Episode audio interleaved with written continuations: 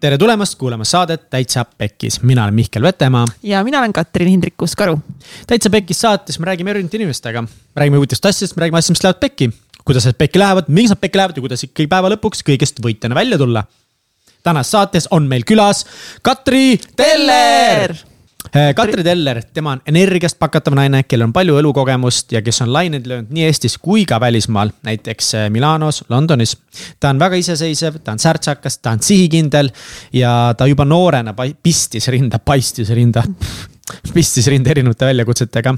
ta jäi koolis istuma, kolis alaealisena kodust välja hiljem on leidnud ennast ka vägivaldsest suhtest, aga see kõik on andnud sellele naisele jõudu, et tõusta tuhast fööniksina Baby.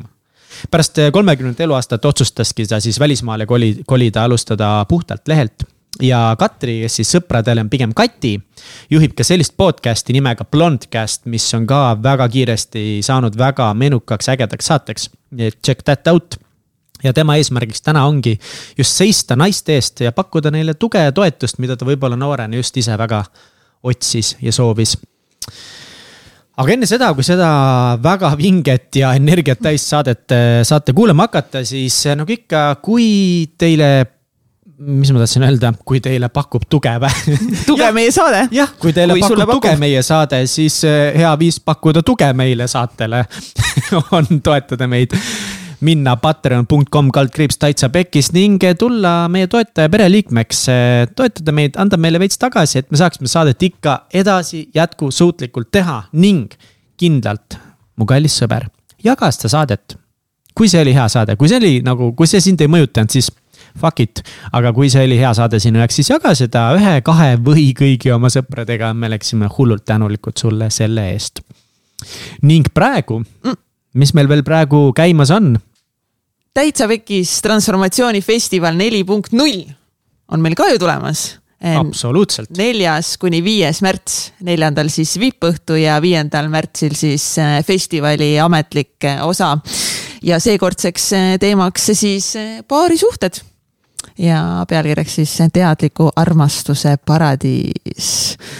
täiega suhteid lahkama.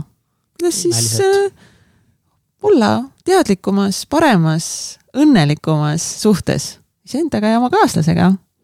Ja erinevaid paare on tulemas äh, rääkima ja hetkeseisuga on meil siis äh, avalikustatud kolm paari, kelleks on Kristel Johanson ja Raivo Johanson, Martin Raadik ja Dali Keter-Karat ja Marlen Annabel Kubri koos siis enda abikaasa Kaido Kubriga.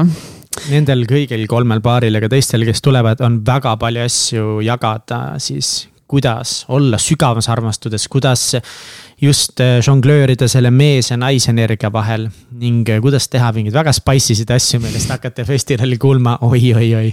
ja nii, et see festival on äh, siis esimest korda nii meestele kui naistele ehk siis paaridele, aga samamoodi ka sulle, kui sa oled vallaline. see on kõikidele.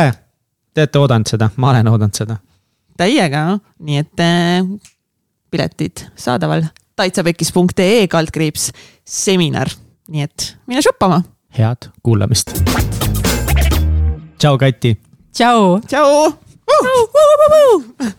meil on saade siin juba korralikult käima läinud uh,. Mihkel peab tulema nüüd kohale. ja ma olen täiega kohal. Kati, kust tuleb sinu kontrollivajadus? mis küsimus see selline on?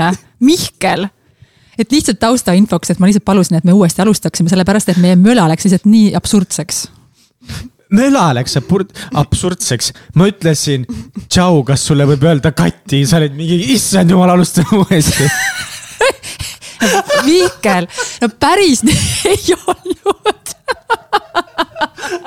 Kohutav algus.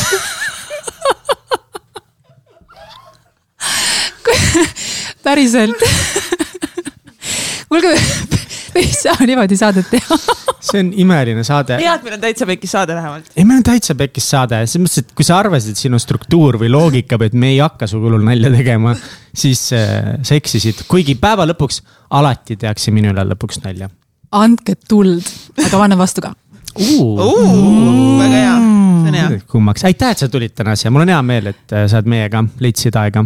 Mul on mega, mega, mega hea meel siin olla, sellepärast et äh, ma juba enne rääkisin ka teile siin, et põhimõtteliselt enne kui ma hakkasin ise podcast'i tegema, ma teadsin täitsa pekkis podcast'i juba sellepärast, et mu sõbrannad kogu aeg rääkisid täitsa pekkis, täitsa pekkis, vahepeal ütlesid, et nad oli mull, siis oli täitsa pekkis, täitsa pekkis, täitsa pekkis, siis oli mull, siis oli täitsa pekkis, täitsa pekkis, täitsa pekkis, siis oli mull. ja ma teadsin, et on selline podcast, ma teadsin, et olivad ägedad külalised ja see, et ma saan täna siin teiega jutustada, see on lihtsalt nagu mega ma olen mega tänulik selle eest ja super, teil on nii hea vibe ka ja ma juba tunnen ennast siin nagu mega hästi imeline. aga veits oled ärevil ka? vaata, see on see kohvi on päris kange. muidugi, ma tegin ekstra kange meile täna. tahtsid, et ma räägiksin natukene veel kiiremini? jah, et me saaks pärast panna aeglustusse aga sa rääkisid ja, kes ei tea, siis Katil on enda podcast nimega Blondcast. miks sa hakkasid podcast'i tegema? Ma tegelikult hakkasin podcast'i tegema sellepärast, et no kui me räägime nüüd podcast'ist endast, mul tegelikult oli enne plaan teha midagi näiteks nagu blogi vormis või midagi mingis teises vormis.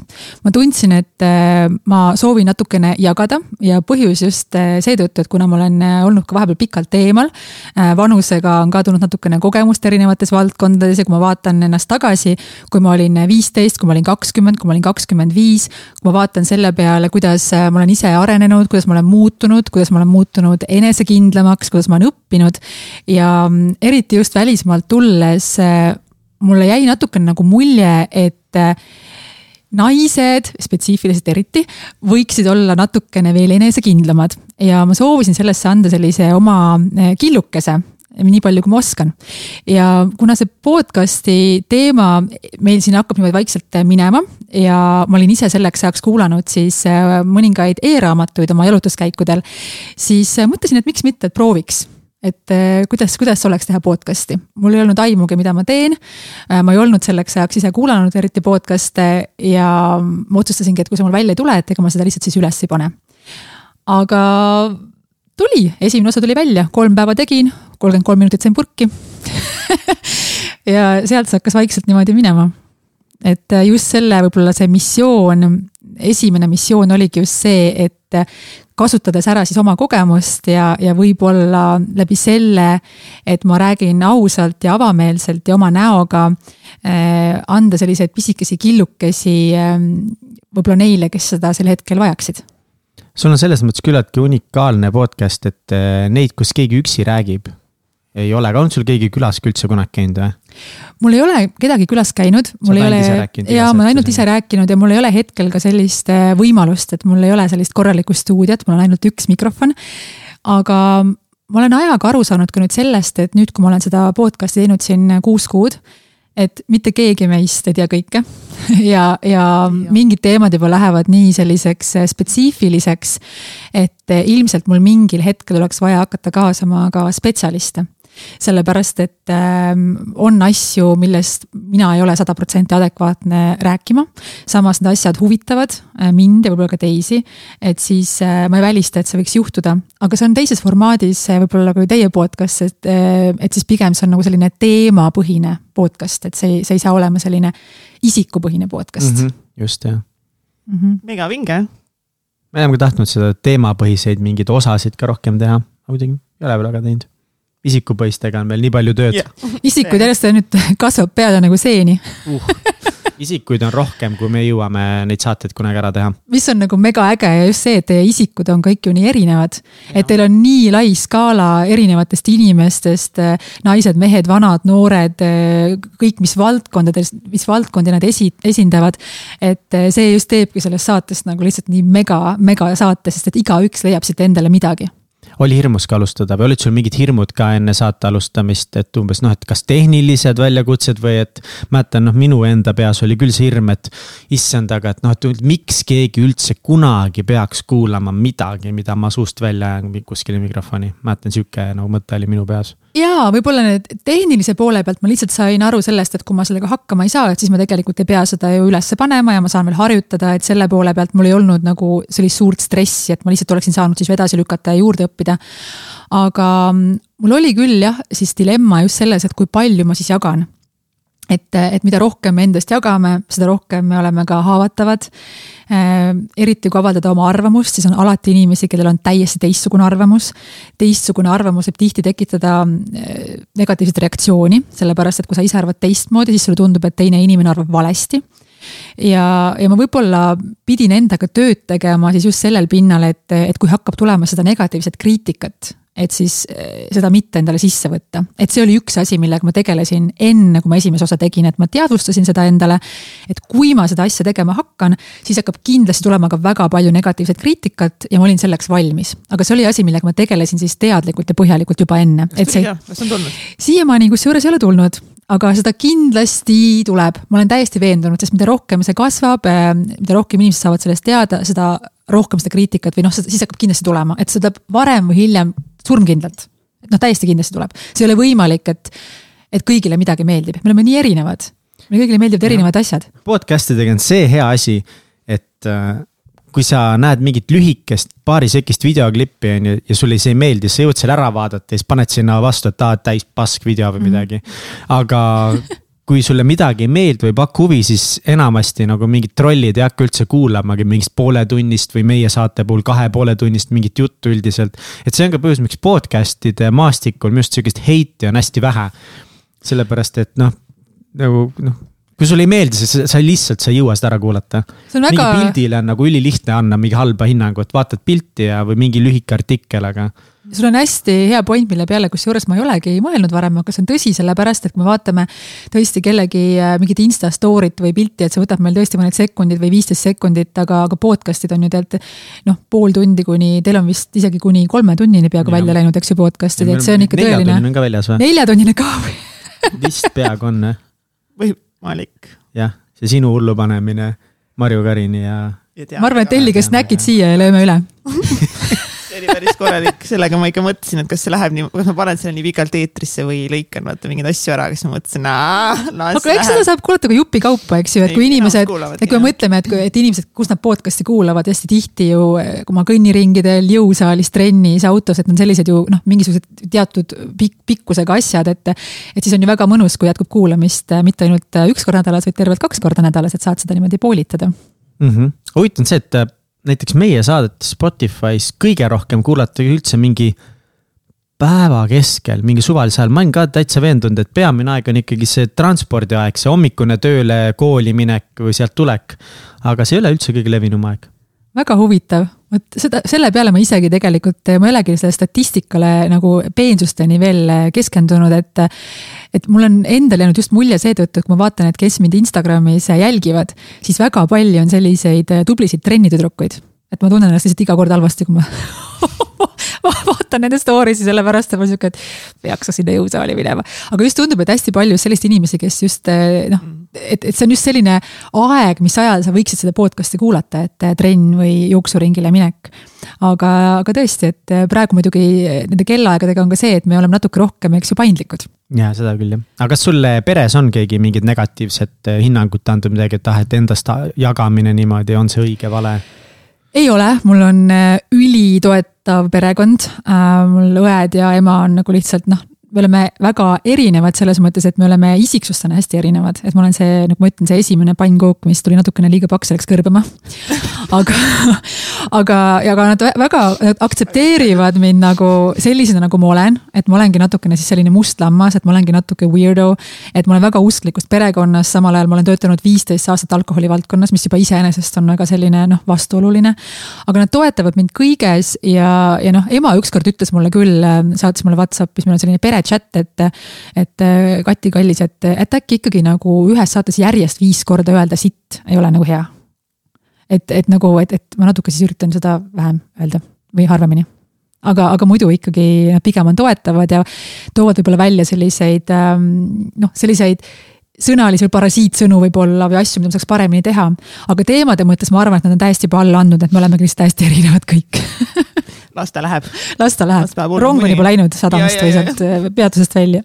Aga see must lammas olemine, on see sinu jaoks raske olnud või, või sa kuidagi praegu nagu väga mööda minnes ütlesid, ah ma olen alati sihuke must lammas olnud, aga tegelikult noh, ma omast kogemusest tean, et see ei pruugi üldse lihtne olla, see võib noorele inimesele väga raske olla mulle, ma ei, mulle on antud koormus. sellist nagu kõva iseloomu, et äh, ma kuidagi, mul on lausa isegi pidanud seda pigem võib-olla eeliseks, et ma kuidagi olen siis sellise nagu hundikarja juht olnud, et ka õdedega noorema nagu mängisime mänge, et ma olin päris selline noh, kui mängisime missi valimisi, siis ma ikkagi üritasin niimoodi sättida, et, et kui oli minu kord punkt anda, siis ma ikkagi noh, vaatasin ikkagi niimoodi, et, et ma saaks lõpuks ikkagi võita et ükskõik, natuke selline nooremate õdedega on ikka natuke nii, et sa hakkad, see tekib selline liidri või, või mingisugune selline juhtimise mentaliteet natukene, sul on need nooremad õed.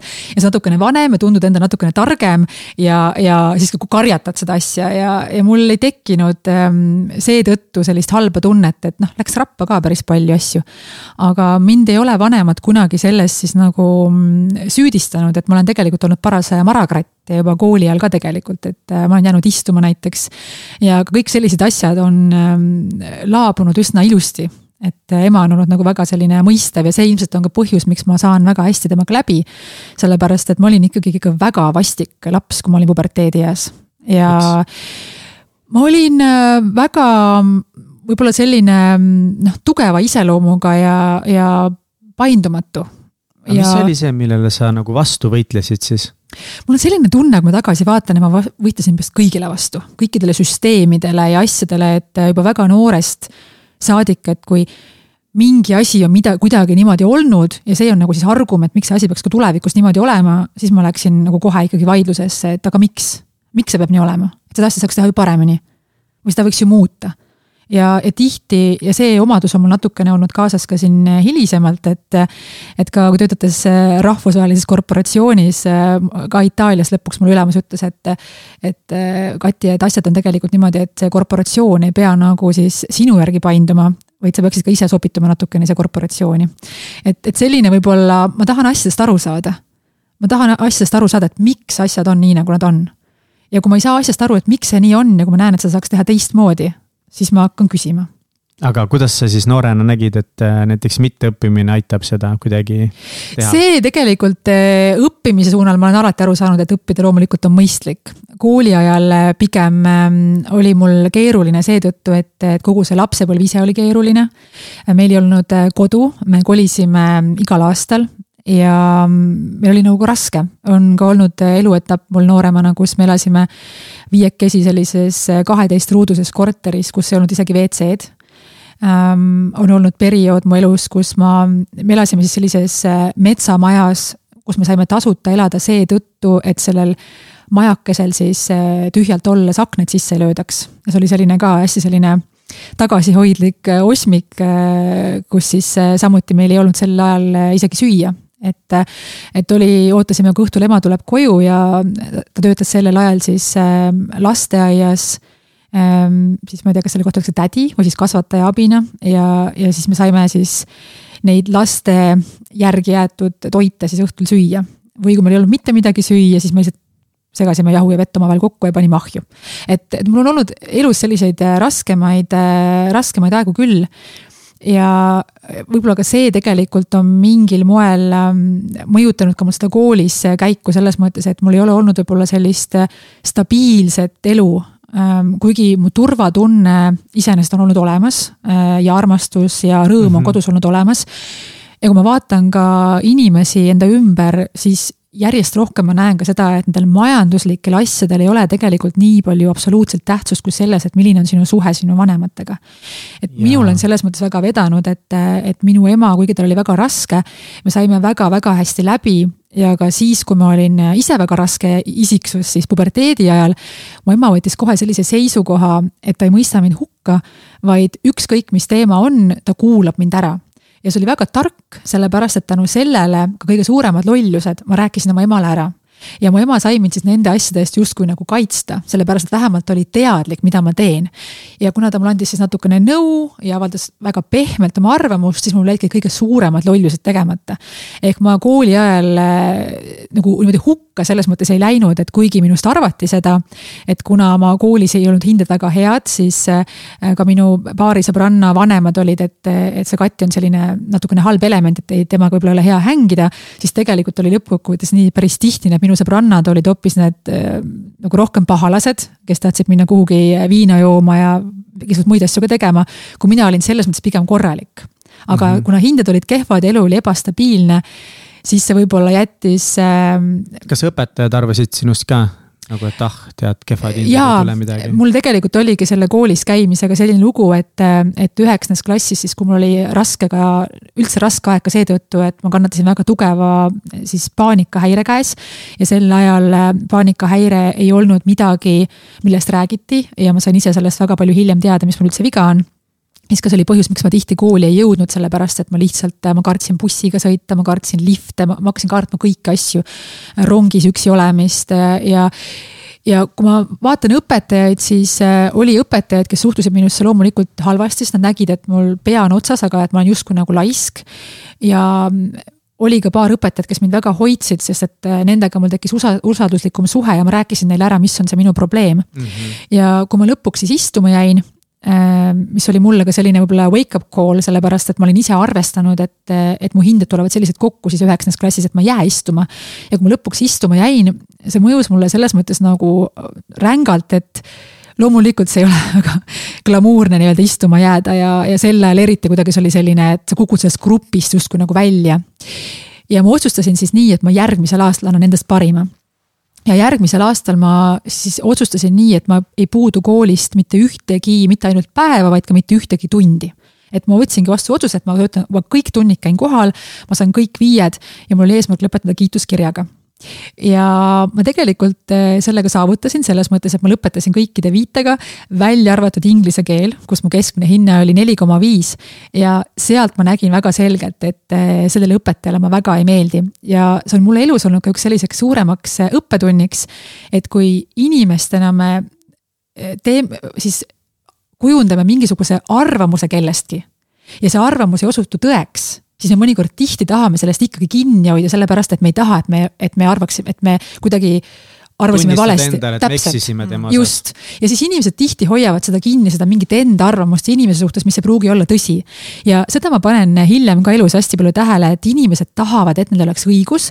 ja nad lähevad väga äärmusesse sellega, et raiuda, et, et neil oleks õigus. isegi siis, kui nad natuke juba saavad aru, et ei ole, aga nad ei taha tunnistada, et neil on valesti või neil on vale arvamus, sellepärast et, et justkui siis tunnevad, et nad kukuvad läbi ja ja seda me näeme väga palju. sulle midagi nagu konkreetset ka, et sinust ei saa asja või, või? ja, minule siis ema kutsuti kooli küll vist juba varem, vist see oli äkki seitsmes klass. kus minu klassijuhataja ütles minu emale, et ta ei ole mitte kunagi näinud oma mingi kolmekümne või neljakümne aastase karjääri jooksul ühtegi nii lolli last, kui on Katri Teller. ja tema sööb oma vana mütsi ära, kui minust kunagi asja saab ja läksime emaga niimoodi siis koju, et ema nuttis käe kõrval ja mina olin väga kuri. emast oli väga kahju. kuidas see pani sind tundma? kas sa mäletad seda emotsiooni, mis sul tol hetkel oli? see ajas mind vihaseks sellepärast, et ma olen väga kaitsev oma lähedaste suhtes. ja minul oli sellest nagu pigem ükskõik, sellepärast et ma teadsin, et ma ei ole loll ja mul oli juba noorest saadik ambitsioon, et ma tahan hästi elus hakkama saada. aga mul oli mu emast kahju, sest see oli talle väga teenimatu mu ema andis endast kõik, ta töötas kahel töökohal, täiskohal samal ajal, et me saaksime kuidagi hakkama. ja öelda nii halvasti inimesele, kes tegelikult annab endast oma parima, tundus mulle tohutult ebaõiglane. ja, ja ma olen tõesti siis, mis puudutab mu sõbrannast või pere, ma olen nagu, ma lähen sealt, see on see koht, kust, kus ma olen väga tuliseks minu enda pealt mind on väga raske kõigutada mm, -hmm. aga, aga minu lähedastele ma ei luba liiga teha sa jagasid oma lapsepõlve praegu väga nagu siiralt, ausalt ja ma tahaksin korra peatuda, minna veel tagasi sinna, kindlasti tahaks ühte, ühte asja öelda, et. et sa ütlesid seda, et see on nagu mega õige, et see armastuse pakkumine on nagu kõige tähtsam, et lapsed tahavad kõige rohkem armastust. mitte seda raha või neid uhkeid asju, et see armastus on kõige parem, mul on täiega hea kuulda, et. et sinu peres see peretunne oli selles mõttes tugev, aga, aga kuidas see nagu ikkagi pani sind tundma see näiteks ongi see palju kolimist või et sinu mhm. elamistingimused võib-olla olid kehvemad kui klassikaaslastel, kas sa tundsid kuidagi nagu eneseväärikuse mõttes, et. et miks sinul on midagi puudu, mis teistel on või, või pani see kuidagi sind nagu kõhklema elus või miks see kõik nii peab olema? Ma tundsin küll, et mingil hetkel natukene mul võis tekkida komplekse, eriti siis, kui ma nägin, et eh, noh, võib-olla isegi noh, nooremana riietuse suhtes, eks ju, et milliseid riideid mina endale ei saa lubada. või asju, mida, kus ma ei saa osaleda, et mul on jäänud vahele ka paar klassireisi, sellepärast et mul, mul ei olnud võimalik nendele reisidele minna. mis tähendab ka seda, et ma mingil moel võib-olla kukkusin mingisugustest eh, gruppidest eh, siis natukene välja. aga ma ei dramatiseeriks seda nagu üle, sellepärast et meil kõigil omal, meil on kõigil mingisugune kurb lugu rääkida ja mõned kurvad lood tunduvad natuke nii, et nagu, et mis sul umbes häda, eks ju. aga samal ajal iga inimese mure on talle see kõige suurem mure Mm -hmm. ja mind pigem see kooliaeg äh, tekitas minus sellist nagu nälga sellepärast, et äh, ma lõpetasin, ühesõnaga ma olen sündinud aastal kaheksakümmend üks, mis tähendab seda, et ma olen tegelikult sündinud Nõukogude Liidus. ja ma olen näinud ka seda aega, kui mitte midagi ei olnudki üldse saada ja üheksakümnendate algus oligi väga paljudele väga raske. aga siis tekkis ka juba see muutus, et ma sain aru, et on võimalik reisida, on võimalik teha omale firma, on võimalik kasvada. ehk siis kogu see aeg valmistas mind ette selleks, et mul on võimalik midagi teha ja ma sain aru sellest, et kõik on minu enda kätes. ja selle üle ma olen ka ääretult tänulik oma emale, et ükskõik, mis olukord meil peres oli, me saime alati hakkama, kui meil oli ükskõik kui kehvasti, siis ema mul alati üritas leida siis mingisuguse positiivse viisi, et okei okay,, seda pole, seda pole, seda pole, aga see asi on või mõtleme midagi välja. ja selle attitude'i oleme me kõik saanud, siis ka minu õed ja, ja see on see, mis on elus edasi aidanud. ja just ka see nälg, et ma loomult olen üsna laisk, nagu ka ma arvan, paljud teised inimesed. ja ma olen mõelnud selle peale, et kui mul oleks olnud teistmoodi lapsepõlv siis ma ei oleks kindlasti see, kes ma olen täna, sellepärast et ja. mulle on just antud see nälg see positiivne nälg ja lisaks kombinatsioonis siis sellega, et kõik on meie enda kätes ja me peame ise oma elust, elu eest vastutuse võtma. sellepärast, et me ei saa süüdistada oma halba lapsepõlve selles, et miks ma täna olen sitt inimene. et get over it sa oled mitu korda maininud ema siin, ema seal, aga isa? isaga mul ei ole kõige paremad suhted, kahjuks ehm, isa ja ema läksid mul mingil hetkel lahku, isa ei ole minu elus äh, väga osalenud ega mind toetanud ja vanemaks saades äh, ma vaatan asju teistmoodi. kuigi ma olen väga usklikust perekonnast ja piibel ütleb, et sa pead austama oma ema ja isa, siis äh, mina vaatan inimesi inimestena mm. -hmm. ehk siis ma vaatan ka oma isa mehena et milline mees ta on. või ma vaatan oma ema, et milline naine on minu ema või millised naised on minu õed et ma vaatan inimesi inimestena ja ma ei ole hetkel tundnud, et ma peaks temaga seda kontakti looma. me ei ole tülis kindlasti, aga ma kuidagi tunnen, et eh, iga asi omal ajal ja kui ma vaatan ka ringi ja ma näen päris palju selliseid katkiseid perekondi, kärgperesid, kuidas vanemad omavahel tülitsevad näiteks, mida mina pole kunagi näinud, ma pole mitte kunagi näinud oma vanemat tülitsemas. et siis tihti võib-olla unustatakse selle pöörise käigus ära see, et kui näiteks oma lapse elus mitte osaleda, siis vahel on liiga hilja tulla kahekümne viie aastasele lapsele või neljakümne aastasele lapsele ukse taha. et eh, ükskõik, mis probleem sul on sinu elukaaslasega või sinu lapse emaga või sinu lapse isaga. et äh, lapsed mäletavad seda mm -hmm. kunagi hiljem ja ma arvan küll, et, et lapse elus osalemine, jah, ma tean, et see võib kohati olla keeruline, aga ka kõikides keerulistes olukordades me peaksime panema ikkagi oma lapse esikohale, sellepärast et meil ei ole vaja toota ühiskonda juurde katkiseid inimesi. täiega nõus.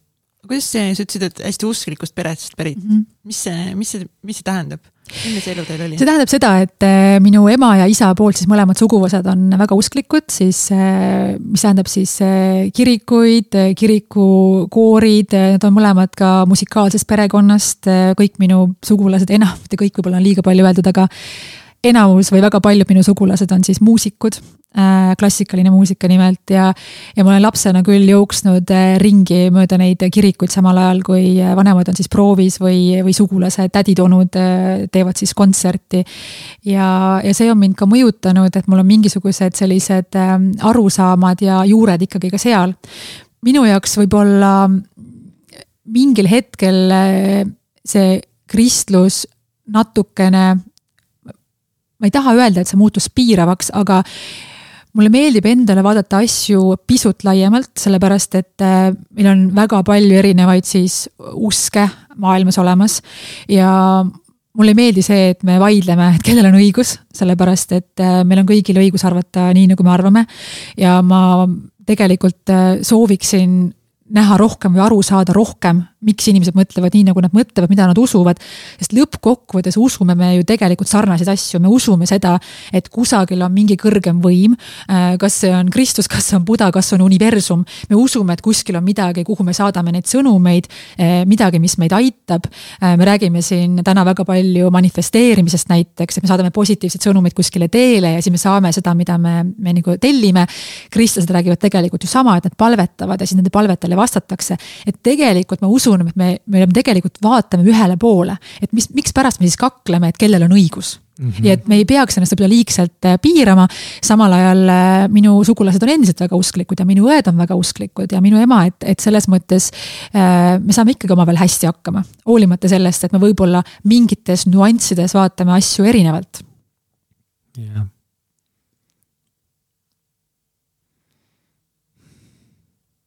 kui ähm, sa natukese vanemaks said, sa ütlesid, sa hakkasid äh, suhteliselt kiiresti iseseisvaks.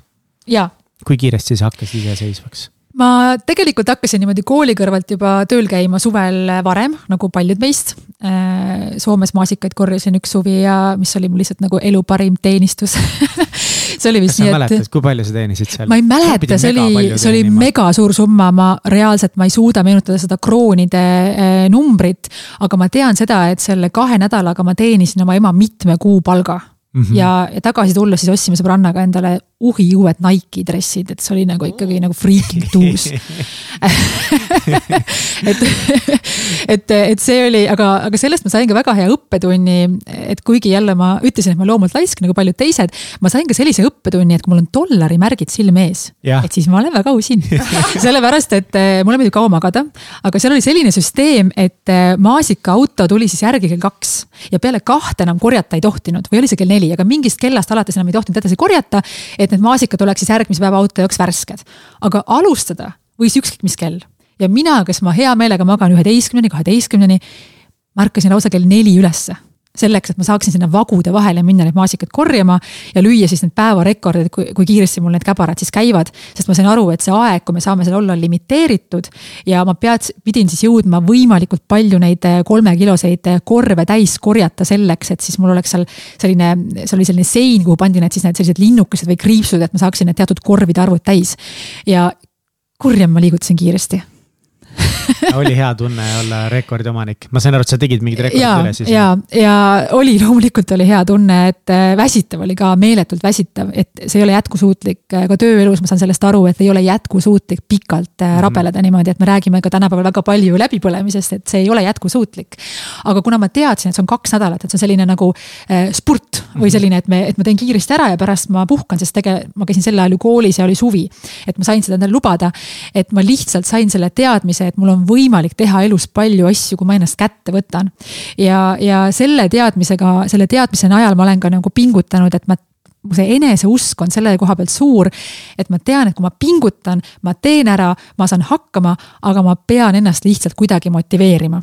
ja keegi teine mind tegelikult motiveerida ei saa, et iga, iga inimene motiveerib ennast ise see maasika korjamus selles mõttes ka nagu väga hea olla, et kui nüüd mõelda sellele, et, et sa koolis võib-olla sel hetkel siis ei olnud väga palju vaeva näinud või mhm. võitlesid vastu, tegid muid asju, siis.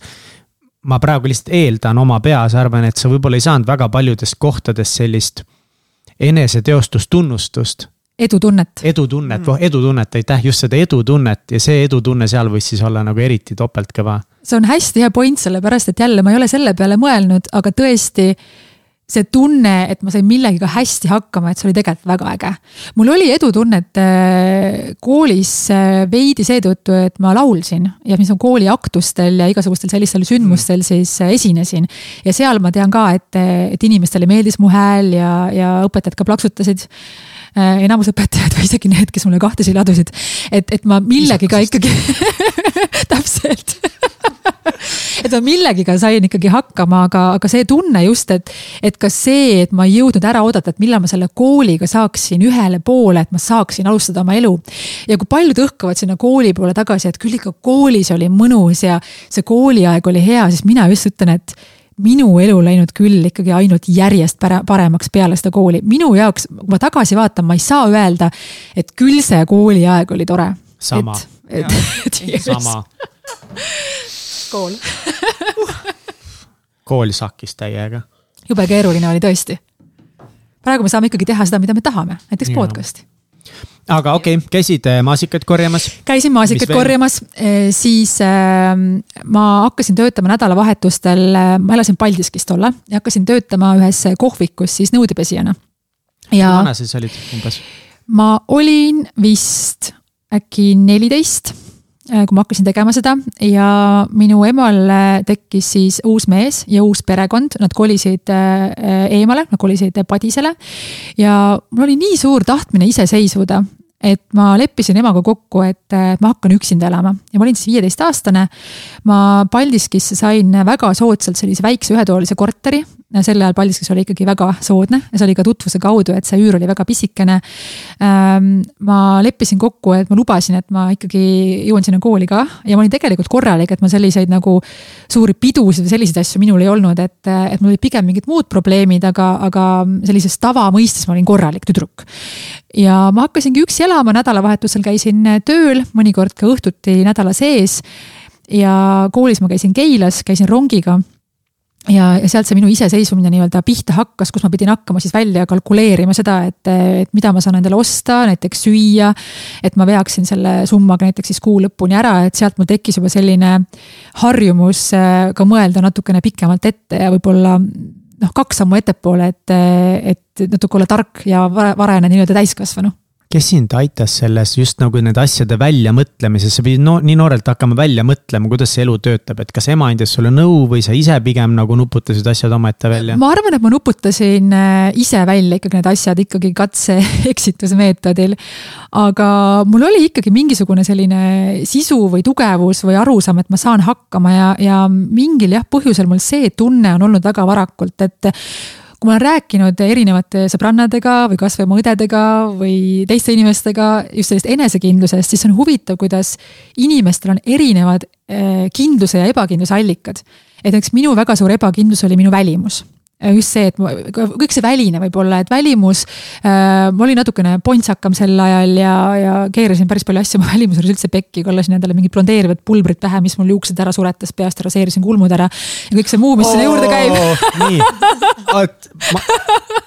räägi sellest, äh, nii, mis mõttes kõrvetas juuksed ära ja ajasid kulmud maha no Räägime ma tahtsin ikkagi ka ilus olla, aga mul ei olnud, no mis ma siin täpselt räägin, et õnneks tänapäeval nagu meil nii karmiks asjad ei lähe, sellepärast et meil on nii palju sellist sotsiaalmeediat ja kõike seda, kus meil on igasugused ilu-influencer'id ja kõik see muu.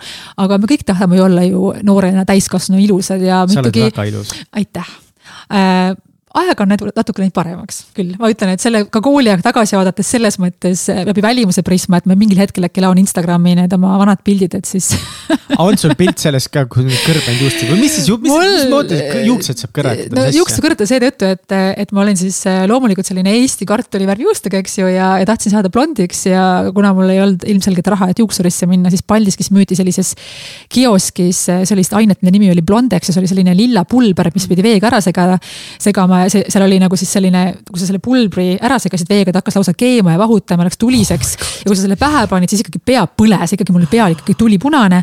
ja siis ma jäin ka nagu ilma suures osas oma juustest, et ma sain teha ka nagu patse ilma selleta, et mul patsikummi vaja oleks, et. ja ka kõik, et ei olnud eeskuju, ei olnud eeskuju. valesti tegid sellega või? no ilmselgelt sellist asja tegelikult ei olnud mõistlik pähe toppida see lihtsalt oligi nii, oota, aga, aga mis siis sai nagu? no midagi ei saanud, siis ma värvisin nädala pärast juuksed mustaks ja siis värvisin jälle punaseks ja et see, mul oli selline raju, raju selline eneseavastuse periood, kus ma lõpp, mis lõppes nagu tegelikult sellega, et ma paari aasta pärast sain ikkagi aru, et et kõige ilusamad oleme me siin siis, kui me teeme oma välimusega selliseid asju, mis on meile pigem sellele naturaalsusele sarnasemad asjad okay.. et, et siis ma hakkasin võtma natukene sellist konservatiivsemat joont, kuigi loomulikult me kõik nooruses katsetame. aga mul on hea meel, et tänapäeval vähemalt me täiesti noored neiud ei tee nii rajusid asju, sellepärast et neil on ka mingisugused eeskujud, et. et ikkagi noh, ja mood on ka selline, eks ju, et, et kulm ei, ei pea enam kriipsuks kitkuma. noh, see, see teema, seda probleemi mul ei olnud, sellepärast et äh, rindu mulle nagu see, selle loteriipileti ma nagu sain ütleme uh. nii. selle loteriipileti ma sain ja see tegi mulle päris palju tuska ka, sellepärast et natukene ikkagi narriti ka koolis, sellepärast et äh, ma ei tea, kas mind kutsuti vist Himaalajaks või midagi sellist, et ja, ja ikka natuke narriti küll et see, et see suurte tisside omamine sellises õrnas äh, eas võib-olla ei olnud väga midagi positiivset, et ma küll pigem varjasin seda ja tundsin ennast natukene pigem seetõttu kehvasti, et, et et aga eks ma võtsin siis päris palju peale keskkooli ka kaalust alla ja siis need rinnad niimoodi nagu läksid natukene paremasse suurusesse. aga minu jaoks on olnud see alati selline teema, et ma olen tahtnud endale terve elu siis väiksemaid tisse oh,. Wow. et, et see on vastupidine siis neile, kes võib-olla mõtlevad teistpidi mm., aga meil igalühel on mingisugune loteriipilet eh,. igalühel on meil mingi asi, mida me tahame, mida meil ei ole, ma arvan, et see on täiesti normaalne. ja lõpuks siis oma vanusega jõudnud sinna, kus ma tegelikult saan aru, et, et kõik on hästi Äh, me oleme erineva pikkusega, erineva mm. kehaehitusega ja me lihtsalt peaksime võib-olla siis tegema oma tugevaid või näitama oma tugevusi rohkem äh, ja võib-olla siis neid nõrkusi me ei pea nii palju esile tooma lihtsalt. aga me oleme kõik ilusad inimesed ja me oleme kõik väga erinevad ja väga erilised. tahaks suuremat peenist. Mihkel see ei ole selline saade ju, on või muidugi on. muidugi on. milline saade on? ma ei tea, ma selle, selle, sellel teemal ma ei oska väga nagu kaasa rääkida, et kust seda lauset ma vist kuulen küll Mihkli suust esimest korda. kaua me teame üksteist, ma ei tea. kindel või? kolmteist aastat, neliteist. ma ei tea, kas see on kompliment, et mul on selline mõju no noh, sa, no see on Maiko oma mingist seksist hästi räägin suht avatult sulle. no jaa, aga seda sa ei ole küll kunagi. ei ole, ei ole maininud, aga ma tahaks täiega suuremat peenist muidugi. kas see on vist mingi meeste tunnen, teema üldse? no kinda jaa. lihtsalt no aga, aga see ongi see, mis paneb. kas keegi on öelnud sulle siis, et sul on ei ole, kunagi ei olnud. tahaks seda naist näha, kes niimoodi mehele ütleb, see on ikka täielik sitapea naine küll. aga kindlalt on neid. ei kind-, ma usun ka. kunagi oli üks artikkel, kunagi oli üks artikkel ühest Eesti staarist, kui ma veel noor olin. ma olen mõõtnud nagu, ma tean, mul on nagu keskmine või keskmisest nagu tsipa väiksem põhimõtteliselt aga siis tuleb leida naine, kellel on keskmisest sippa väiksem nagu see. või, või. või, või, või, või, või lihtsalt teha igast muid asju. vot täpselt. ma lihtsalt olen nagu tundnud ala, alatees kuskil ma pean nagu kompenseerima kõige muuga tead, ma arvan, et meil on elus nii, et eh, kui me mõtleme oma nõrkust, näiteks kui me arvame, et meil on mingisugune nõrkus mm, -hmm. siis me hakkame alati seda kompenseerima millegi muuga. sellepärast, et ehm, kui ma üldse ma sain alles mingi mõned aastad tagasi sellest aru, et miks on nii, et näiteks kui me võtame ka iseloomu, et miks on nii, et äh, mõned inimesed, kellel on näiteks mingi asi väga sitt või mingi väga sitt iseloomujoon, et miks nad mingis teises asjas on nii kuradi oma head. ja see on mhm. just see, et me hakkame alati kompenseerima, kas oma välimuse, oma iseloomu, millegagi. et, et ma isegi olen hakanud inimesi jälgima nagu läbi selle, et kui mingil inimesel on midagi väga-väga-väga head, siis ma mõtlen, et huvitav, et mis tal see asi on, mida ta kompenseerib ja mis see on, mis tal siis halb on? ma ei tea, kas see make ib mingit sensi, aga, aga ma olen väga tihti seda inimeste juures märganud. inimesed, kes võib-olla välimuselt ei ole nii atraktiivsed enda arvates, on võib-olla väga hea iseloomuga või neil on väga hea huumorimeel mm. -hmm. ja need inimesed võib-olla, kes on väga ilusad, nad tunnevad, et neil ei ole vaja seda teha, sellepärast et neil on kõik juba olemas, näiteks. et, et see, et me kuidagi mõned aastad tagasi hakkasin niimoodi inimesi jälgima ja me tõesti kompenseerime ongi, no vot ongi, et nagu kompenseerime on üks hea sõna selle jaoks siin võib-olla. teine on ka see, et noh, et me täidame võib-olla nagu mingit auku kuidagi teisiti või näiteks ongi noh, et eh, see overachievement tihtipeale, mis meil saadetesse välja tulnud on mm -hmm. seotud ka mingid teatud tähelepanuta ühelt vanemalt et näiteks mm -hmm. ongi, et kui äh, ka minul endal on ju, et noh, äh, mul on nagu peres muidu äh, kõik hästi ja ema-isa on ka koos, mis on väga tore, aga nagu paps kunagi ei ole mulle nagu seda tähelepanu osutanud, mida ma tahtnud. ja mul on tohutu tähelepanu vajadus nagu tekkinud sealt tegelikult ja ma tahangi olla nagu, ma tahan rääkida, ma tahan lavadel olla, ma tahan, et kõik näevad mind, ma tahan mm -hmm. uksest sisse tulla. niimoodi, jõu, ma olen siin nagu, siis ma tahan, et kõik nagu ja noh, kunagi ma olengi selline, tead, aga miks ma olen selline, miks ma tahan seda tähelepanu, sest ma otsin mingit tähelepanu, mida ma kunagi ei saanud mingi hetk, kui ma vajasin seda see on väga õige point, ma ise mõtlen ka, et, et tulles suurelapselisest perest, kus ema oli kogu aeg tööl, isa tegelikult ei olnud ja, ja üldse tähelepanu vajaduse peale, et. et hästi hea on endale mingeid asju niimoodi põhjendada ja ma olen samamoodi seda endale täpselt samamoodi põhjendanud. et mulle ka ju meeldib tegelikult päris palju rääkida. aga teisalt jälle ma olen hakanud mõtlema teistpidi jällegi, et kas see, et ma olengi selline ja just see, et me, meil on praegu hästi popp rääkida sellest, et kõik, millised me oleme, tuleb meile kusagilt lapsepõlvest. või tuleb meile isegi kaugemalt, tuleb meile näiteks meie esivanematest. ja seal on oma tõetera sees, aga see võib-olla ei ole nagu, et, et selle asemel, et nii palju keskenduda sellele, et miks ma olen selline või et ma olengi selline sellepärast, et.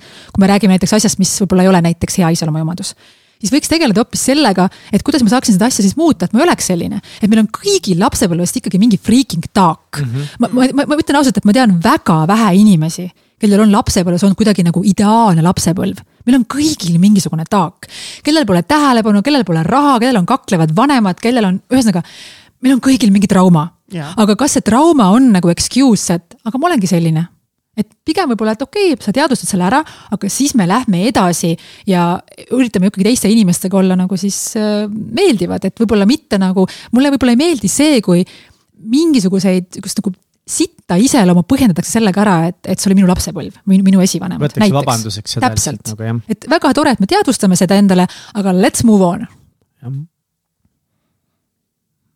jah ma arvan, et see aitab nagu lihtsalt vaata tegeleda sellega ongi, et tihtipeale lihtsalt sa pead kõigepealt aru saama, kust see võib-olla tuleb, siis sa saad sellega tegeleda, täpselt nagu sa ütlesidki, et davai, et mis ma nagu teha saan, on ju. täpselt sellepärast, et äh, probleemi äh, siis selline kui me saame aru, mis on probleem, siis tegelikult on meil juba pool lahendust käes. me, me ei saa lahendada probleemi, millest me ei saa aru aga, aga jah, võib-olla mulle tundub, mul on jäänud selline mulje, et me väga palju räägime sellest ja väga palju räägime lapsepõlvetraumadest. ja väga palju räägime oma mustritest ja kust, kust need tulevad. aga just ka, et, et võiksid nagu siis edasi minna, sellepärast et mina ikkagi usun seda, et inimestena me oleme arenemisvõimelised. ja, ja, ja just ka see, et kui me vaatame inimesi näiteks minevikust, et näiteks, aa, ma tean või näiteks keegi vaatab, et aa, ma tean Katit, et ma käisin temaga koos koolis. tegelikult sa ei tea mind, sellepärast et ma nüüd olen nelikümmend juba, ma käisin koolis, ma olin võib-olla kaksteist, sa ei tea, milline ma täna olen. inimestena me oleme arenemisvõimelised, osad meist muutuvad, osad meist ei muutu ma usun, et muutuvad need, kes soovivad muutuda ja kõike polegi vaja muuta, aga seda, mida me ise soovime muuta. aga siis on inimesi, kes on võtnud nagu lausa endale selliseks raudreegliks, et ma olengi selline ja ma ei muutu. ja siis ma mõtlen, et ma ei tea, kas see on hea asi. et ellu jäävad ikkagi tegelikult need, kes selle eluga nagu kaasa lähevad, sest meie elu on ju praegu täielikus pöörises. mis ümberringi toimub? ma ei kujuta ette, kuidas me kunagi loeme sellest ajalooõpikutest, et, et mis ajal me praegu elame, nagu see on täielik ju ulmefilm. et me, me peame selle asjaga kuidagi kohanema. nõus kõigil on kogu aeg tegelikult elus nagu persse saanud, ma mõtlen nagu ühiskonna mõttes. et meil ongi liiga lihtne elu olnud yeah.. tegelikult, kui nii võtta. mõnes mõttes nagu noh, tegelikult nagu üht, ühtepidi yeah. on nagu, ongi tõesti täiesti pöörane on kõik see mm -hmm. maailm on ju, koroona tundub nii pöörane meile. aga noh mõtle teise maailmasõja peale Täpselt. või esimese maailmasõja peale või musta katku peale või noh. et, et, no,. et tegelikult. tegelikult on väga hästi. kui sa võtad nagu kaks tuhat aastat inimese keskmist elu, siis nagu see ongi normaalne, et nagu midagi on täiega perses kuskil. muidugi on, sest ja läbi, ja läbi nende kriiside, samamoodi nagu majanduses kõiges, läbi kriiside me tegelikult ka areneme ja kasvame. aga tõesti, kui me siin räägime, et, et meil on jube raske, meil on jube raske, et siis let's get a grip nagu meil ei ole tegelikult nagu nii raske, kui on olnud meie siis vanaemadel ja, ja veel isegi meie vanematel mm., sellepärast et ma vaatan ka oma vanemate elu, kõik see ka see Nõukogude Liidust Eesti Vabariik riiki minek, et kui raske oli inimestel. praegu see mõte juba, et me ise saame otsustada oma elu üle, on lihtsalt meeletu suur asi. et lihtsalt, kas sa võtad vastutuse oma elu eest või sa lihtsalt otsid kogu aeg vabandusi. ja, ja ma ise üritan olla inimene ja ma olen inimene, kes võtab vastutuse ja ma tunnistan endale, kui midagi on pekkis. aga mu järgmine samm on, et okei okay,, kõik on pekkis, aga mis ma nüüd siis sellega teen et kui sa vaatad, kõik on pekkis ja kõik on halvasti ja mul ongi, ma olengi selline, ma ei ole sihukese iseloomuga ja vot sina oled selline, aga mina ju ei ole selline ja hea sul rääkida ja sa oled, sa oled lihtsalt nagu, sul on elus vedanud nagu, see on lihtsalt äh, võta vastutus oma elu eest, et see on see asi, mida ma üritan ka paljudele nagu öelda, aga, aga seda ma ei saa muuta sellest, et kust see inimese seest nagu tuleb, kust tal see tuleb, kas on ka lapsepõlvest, et. et on kuulnud kogu aeg võib-olla mingisugust sellist vingumist või sellist mentaliteeti nagu, et, et ta ei oskagi olla teistmoodi mm. -hmm. aga tegelikult see hetk, kus me otsustame, et me võtame vastutuse oma elu eest sealt hakkab elu minema kogu aeg paremaks, sest nagunii läheb pekki mm., nagunii meil on kriisid, nagunii me nutame, aga me alati mõtleme, et see ei ole lõpp. see on asi, millest me saame õppida ja let's move on Boom. Mm, absolut. Aga lähme ajas tagasi korra veel sinna, kui sa need kulmud maha lõikasid ja juuksed päästsid mega lühidalt, mis nende kulmudega juhtus? no kulmud nagu enamjaolt kasvasid siiski tagasi ja ma olen nagu aga kõvasti vaeva näinud. sellesama pulbri pärast? kulmud ei läinud pulbri pärast, siis oli selline mood, et olid väga peenikesed yeah. kulmud ja siis äh, oli neid vaja nagu kitkuda väga peenikeseks, aga kui sa kulme väga kaua kitkud, et siis selle koha peal see kulm väga enam ei kasva.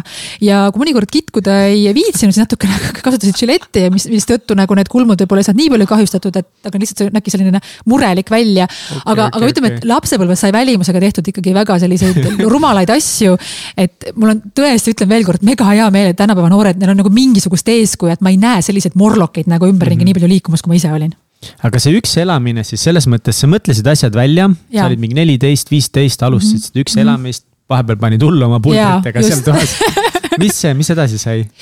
edasi sai kahjuks nii, et äh, mul tekkisid väga tugevad äh, paanikahood ja see oli minu jaoks, minu jaoks selline tõesti elu muutev äh, aeg. Äh,. ma olin siis äh, vist kuueteistaastane ja ma ei saanud enam ise hakkama. Ma ei jõudnud kooli, ma kartsin sõita rongiga, ma arvasin, mul oli kogu aeg, kui me räägime praegu nagu ärevushäirest näiteks, siis mul, mul ei olnud reaalselt nagu ärevushäire, mul oli paanikahood, see oli selline hoog, mis kestis võib-olla kümme minutit, aga ta oli nii intensiivne, et ma läksin nagu mul kadus igasugune kontroll minu keha üle, minu mõtete üle, ma vappusin, mul jalad tõmblesid, ma värisesin ja ma teadsin, et mul kohe lõhkeb peas veresoon. mul jääb kohe süda seisma. et, et see oli väga-väga ähm, hull ja kõige hullem oli see, et mitte keegi ei saanud sellest aru õpetajad ei saanud sellest aru, minu perearst ei saanud sellest aru. Äh, mulle kirjutati välja rahusteid, äh, mulle kirjutati. mis nad arvasid, et mis sul? Nad ei saanud, ma, ma ausalt öeldes ma isegi täpselt ei mäleta, mida nad mulle ütlesid, aga sellist sõna nagu stress või mine psühholoogi juurde, sellist asja ei olnud et mulle kirjutati küll välja rahusteid, ma sain Xanaxidest mingit kui ma õigesti mäletan, kolme erinevat värvi oli seda lausa, mis oli erinevate kangusastmetega, et kui ma läksin jälle perearsti juurde, siis ma sain mingisugust kangemat kraami ja mitte miski ei aidanud kuni lõpuks, kui ma olin käinud siis lugematul hulgal erinevate arstide juures, kui ma sattusin neuroloogi juurde. Läksin tema uksest sisse küsimuse peale, et eh, mis mind vaevab, ma purskasin niimoodi nutma, et ma ei saanud vist nagu veerand tundi sõna suust välja, ma olin täiesti, ma lihtsalt nutsin, sest ma tundsin, et. et kuidagi keegi nagu küsib mu käest, et, et mis sul nagu on, et räägi, et mis sul on ja, ja siis see neuroloog vaatas mulle lihtsalt otsa ja ütles, et tead, et siin ei ole minul midagi teha, et sa lähed psühhiaatri juurde. ja siis hakkas mul selline tervenemine, mis oli väga pikk ja väga vaevaline, ma kolisin oma ema juurde. emal oli tollal juba uus pere, äh, siis kolisin sellisesse padise metsa. Äh, ema mind väga palju aitas, sellepärast et ega ta muud ei osanudki teha, kui ta lihtsalt kallistas mind, paitas mind ja ütles, et sa ei sure ära. mul oli väga oluline see, et kiirabi jõuaks õigel ajal kohale, see pakkus mulle mingisugust turvatunnet. Äh, üks suvi on mul väga eredalt meeles, kui ma olin sõbrannaga Pärnus, me kutsusime peaaegu igal õhtul mulle kiirabi et see oli täiesti, kui ma praegu ka mõtlen selle peale, et nüüd praegu me räägime siin Covidi ajast näiteks, et kui suur selline meie meditsiinisüsteemiga koormamine, sest tegelikult oli tegemist psühholoogilise probleemiga, eks ju. aga ma ei osanud tollal mitte midagi muud teha, sest see teadmine, et ma nüüd kohe suren ära, oli nagu nii kindel ja nii suur ja mitte miski ei suutnud seda nagu maha võtta, need hood olid väga intensiivsed ja väga-väga hirmsad. ja siis ma hakkasin käima psühhiaatri juures Paldiski maanteel mulle kirjutati välja antidepressandid, ma sain teraapiat. Äh, mul, ma käisin äh, järgmisena Wismari haiglas psühhiaatri juures. kus ma lõpuks sain aru, et ma ei taha süüa ravimeid, ma tahan päriselt sellest asjast aru saada. mind hakkas tollal väga huvitama psühholoogia ja ma räägin praegu ajast ikkagi siin kakskümmend viis, kakskümmend kolm, kaks aastat tagasi, mis oli väga ammu.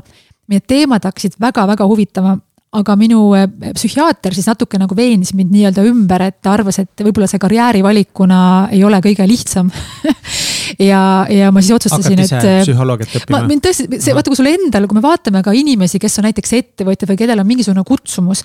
väga paljud ju meie asjad, mida me elus teeme, saavad alguse sellest, et meil on mingisugune probleem et kui paljud naised hakkavad tootma näiteks titariideid või midagi sellepärast, neil on beebi ja pole midagi selga panna. või kõik meie need ideed tekivad meie mingisugusest isiklikust probleemist.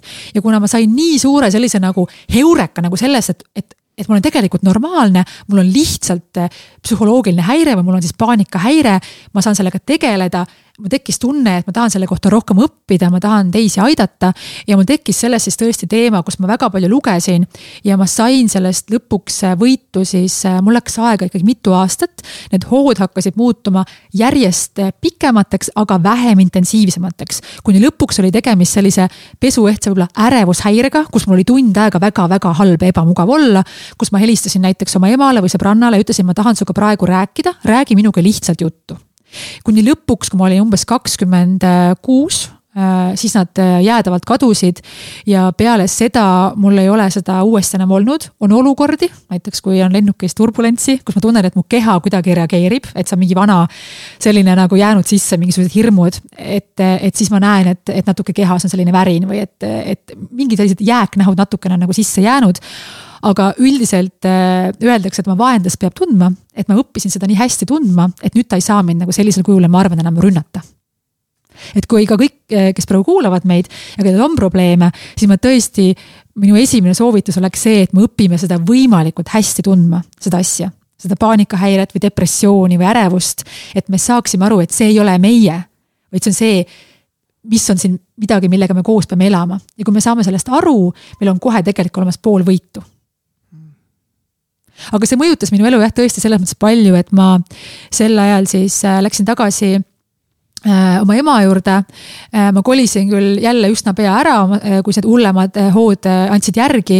aga, ja sain kooli ilusti lõpetatud. Ähm, aga, aga see on minu elus väga palju muutnud just nagu võib-olla ka see, seda, et ma tek-, tekkinud on mingisugune ettevaatlikkus või ma ei võta selliseid suuri riske nii füüsilises või materiaalses maailmas kui ka nagu muudes asjades, kui me räägime kasvõi nagu investeerimisest või, või lõbusast pargist kasvõi, et ma, ma ei võta elus väga suuri riske, et ma olen selles mõttes, mu jutt võib olla selline mõnikord väga äksi täis mm, -hmm. aga ma oma tegudes ei ole väga pöörane et kas see siis tekitas sinus teatud sellise mingi hirmutunde või mingi alalhoiu, mingi instinkti pärast ilmselt seda... küll, mulle väga ei meeldi see sõna hirm, sellepärast et äh, kui me räägime siin ka näiteks Covidi ajal, et, et ära tunne hirmu või et ei ole mõtet hirmu tunda, loomulikult ei ole mõtet. ja mulle ei meeldi sõna hirm ja ma ei, ma ei tunne hirmu. aga võib-olla selline äh, pisut võib-olla natukene üle, selline mõistlikkus, mis natukene võib-olla üle vindi, et võib-olla eh, mingid asjad on head, et näiteks, et ole liikluses korralik ja pane turvavöö peale ja et ma olen väga korralik. aga, aga võib-olla ka, kui ma ka suhtlen oma sõbrannadega, ma näen, et ma olen siis selles korralikkuse sellises nagu, eh, nagu sellises ääres, kus on veel natuke juba niimoodi, et kuule, et rela vähe, noh mm -hmm. aga võib-olla see on võib-olla tulnud sellest ajast tõesti räägi enda, kuidas sul suhetega lood olid? oi, suhetest võiks rääkida tunde ja tunde. suhetega on nii, et ma, mul on olnud mitu sellist pikka suhet. ma väga usun seda, et kõik meie suhted meid väga palju mõjutavad ja vormivad.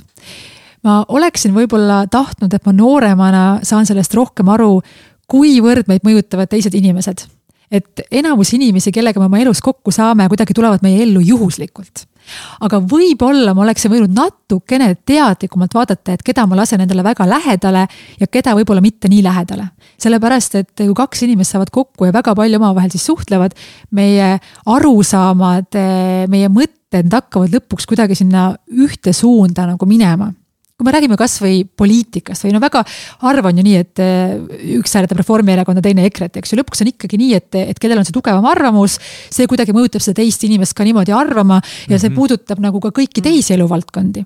ja seetõttu ma olen eh, muutunud viimasel ajal, eriti viimase kümne aasta jooksul väga teadlik, et milliste inimeste ja ka milliste energiatega ma ennast ümbritsen. selleks, et olla siis selline rõõmus ja positiivne, sest mis juhtub väga paljude inimestega elu jooksul, on see, et nad kibestuvad ära. eriti kui me vaatame näiteks vanemaid inimesi, miks võtavad endale näiteks äh, vanemad mehed noore naise mina ei arva, et see on sellepärast, et neil on nagu pringimad rinnad või väiksem tagumik. ma arvan, et see on sellepärast, et neil on elurõõm, nad on siirad, nad on rõõmsad, nad on nagu vau, sa oled nii äge, sa oled nii tark, sa meeldid mulle. kui sul on kodus naine, kes on juba niimoodi, et viib riigast välja, sa oled täiesti mõttetu mees.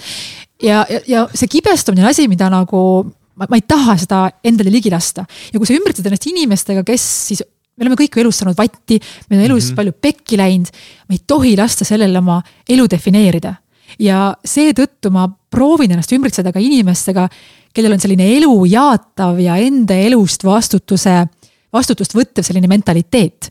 ja kui ma vaatan ka tagasi oma siis suhteid, mis mind on kindlasti väga palju mõjutanud, siis ma näen ka seda, kuidas need suhted on justkui tekitanud minu ellu sellised erinevad etapid kus ma näen, et ma olin natuke, siis ma olin natukene selline, järgmises etapis ma olin natukene nagu selline ja siis ma olin hoopis jälle kolmandat moodi.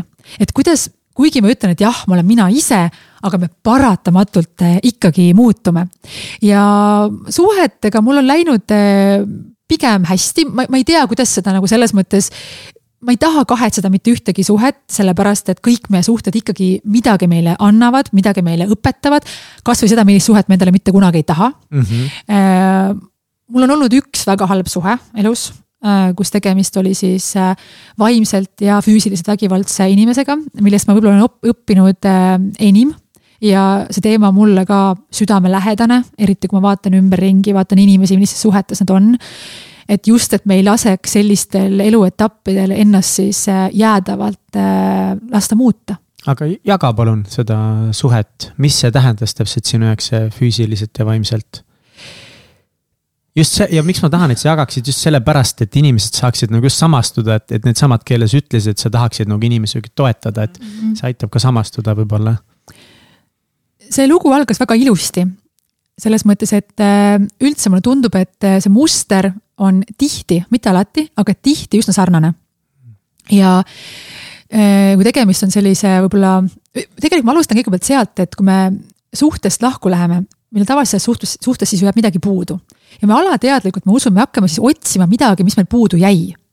et selle järgmine suhe, mis meil tekib, on tihti väga raske mõistetav siis meie võib-olla eksidele, selles mõttes, et valime võib-olla hoopis teistsuguse inimese endale seetõttu, et meil selles suhtes oli midagi puudu ja siis me otsime midagi, millest meil puudu oli ja ka mina, ma läksin lahku väga toredast inimesest, aga ma tundsin ennast selle inimesega koos olles pidevalt üksikuna, ma tundsin, et ähm, et võib-olla minust ei hoolita piisavalt, mind ei armastata kuidagi, et see inimene oli väga, ta oli pigem natukene introvertsem, tegeles oma asjadega ja ma tundsin kuidagi, et ma olen selles suhtes kuidagi üksi, et tahtsin, et mul tuleks selline tõeline mees, kes tuleks ja tead, kallistaks ja oleks selline mehelik ja, ja kohe oleks nagu tunded üle pea ja ma tundsin, mul sellest hästi suur puudus. ja ma väga usun seda, et mida tellid, seda saad.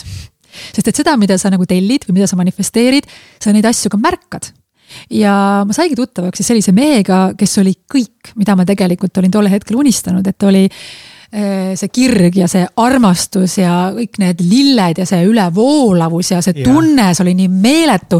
ma tundsin, et lõpuks ometi ja, ja kui ma vaatan neid teisi lugusid ja see tundub päris sarnane muster. ja mingil hetkel iseendalegi märkamatult hakkas see suhe muutuma siis ebaterveks selles mõttes, et mind hakati vaikselt ja vaikselt siis piirama sellise minust hoolimise deviisi all. et äh, ma ei taha, et keegi sinust valesti aru saab ja kui sa niimoodi riidesse paned, et ma ei taha, et keegi mõtleb, et sa oled selline ja. ja, ja kui selle inimesega suhtled või mõne sellise sõbrannaga, et ma ei taha, et sa muutud selliseks, tal on sulle halb mõju.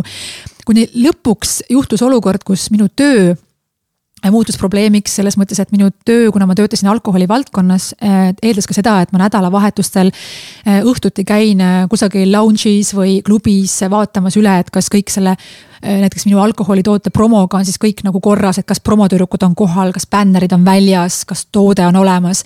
kus ma pidin siis võtma osa paljudest sellistest üritustest, kus see töö muutus selliseks, et see oli juba ise probleem, et mul ei ole nagu normaalne töö, sest ma saan sellega liiga palju ebatervet siis tähelepanu minu elukaaslase arvates inimesed, kellega ma suhtlesin, kui mul hakkasid tekkima rohkem sellised sõbrannad, kes olid edukad, äh, säravad, äh, ettevõtlikud, siis see muutus samuti probleemiks. iseseisvad naised. iseseisvad mm -hmm. naised muutusid probleemiks kuigi nad olid väga kihvtid inimesed, aga just äh, ma nägin, et, et talle ei meeldinud võib-olla see minu iseseisvumine, sellepärast et tema eesmärk oli siis see, et. et ma olen justkui osa tema sellisest ambitsioonisest, ambitsioonist, tema selline karune mees, tal on see ja see ja see ettevõte ja maja ja see. ja siis tal on see naine, kes on seal siis see naise rollis. aga mina jälle, kuna mul oli nii suur nälg ka iseseisvuda, saada elus paremini hakkama, ähm, siis ma läksin selles mõttes teise suunda et, et ma tahtsin, et mul oleks mingisugune sissetulek, et ma, et ma, üks ei välista ju teist, sa võid olla väga heas armastavas suhtes ka nii, et sul on see iseseisvus. et üks ei välista teist ja pigem see suhe ongi tervem, sellepärast et siis sul naisena ei ole mingisugust muud agendat kui see, et sa päriselt armastad seda inimest. et sa oled temaga näiteks raha pärast koos. et see mees saab ka tunda ennast ju palju kindlamana, kui ta näeb, et tal on edukas või tubli naine, siis ta teab, et selle naise põhjus temaga koos olla on see, et see mees talle päriselt meeldib mitte sellepärast, et, et hoiab seda naist justkui kinni mingite muude asjadega.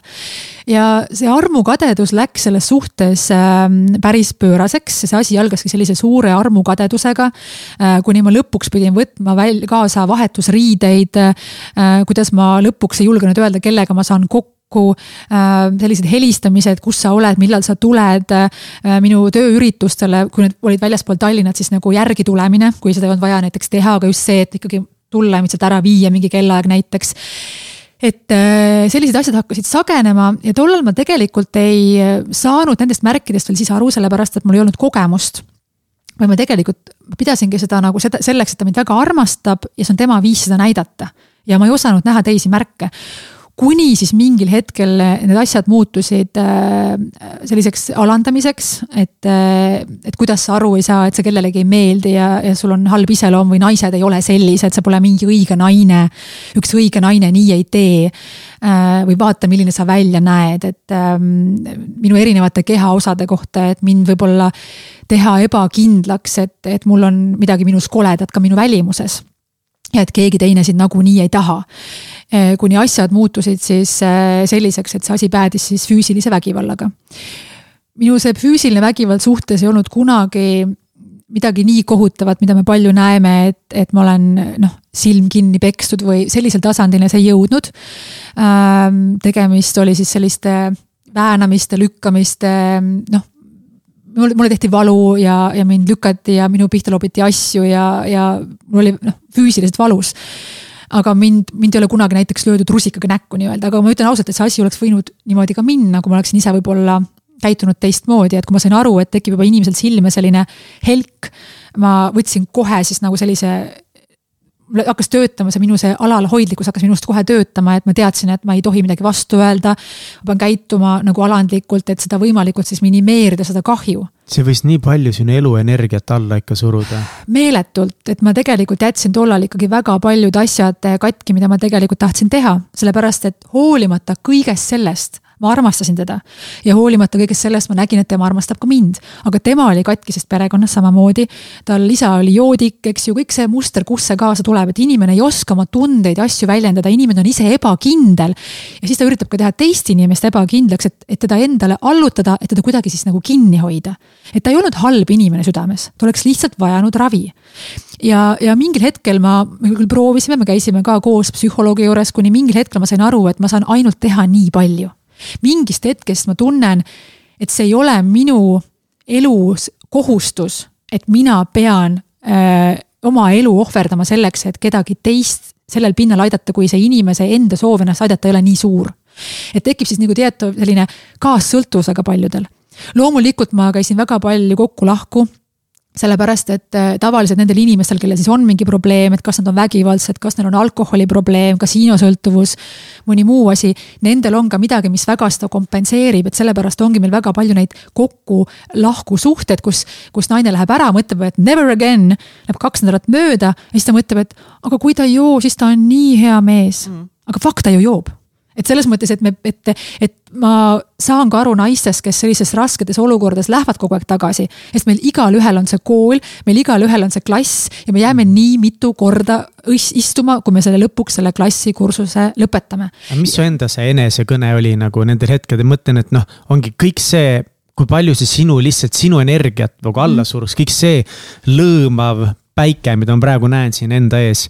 et, et et kui see oli nagu alla surutud ja, ja näiteks ongi, kui väänas sind, eks ole, et mõtlen, et mis olid need mõtted, mis su peas siis nagu käisid? mul tegelikult sel hetkel oli loomulikult kindel teadmine, et me lähme lahku. ja, ja mõistustas mulle loomulikult, et siin ei ole absoluutselt mitte mingit juttu ka, et loomulikult ma lähen tast lahku.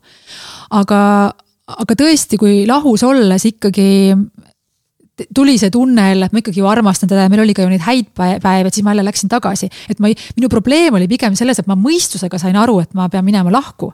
aga see emotsioon, ma ei suutnud sellest emotsioonist väga pikka aega nagu äh, lahti rabeleda, et see emotsioon oli selline väga tugev. ja selliste inimestega tihti tekibki väga tugev, selline ebaterve, tugev emotsioon. mis on põhjus, miks paljud ütlevad, et aga kui ta on vägivaldne, miks sa siis ära ei lähe?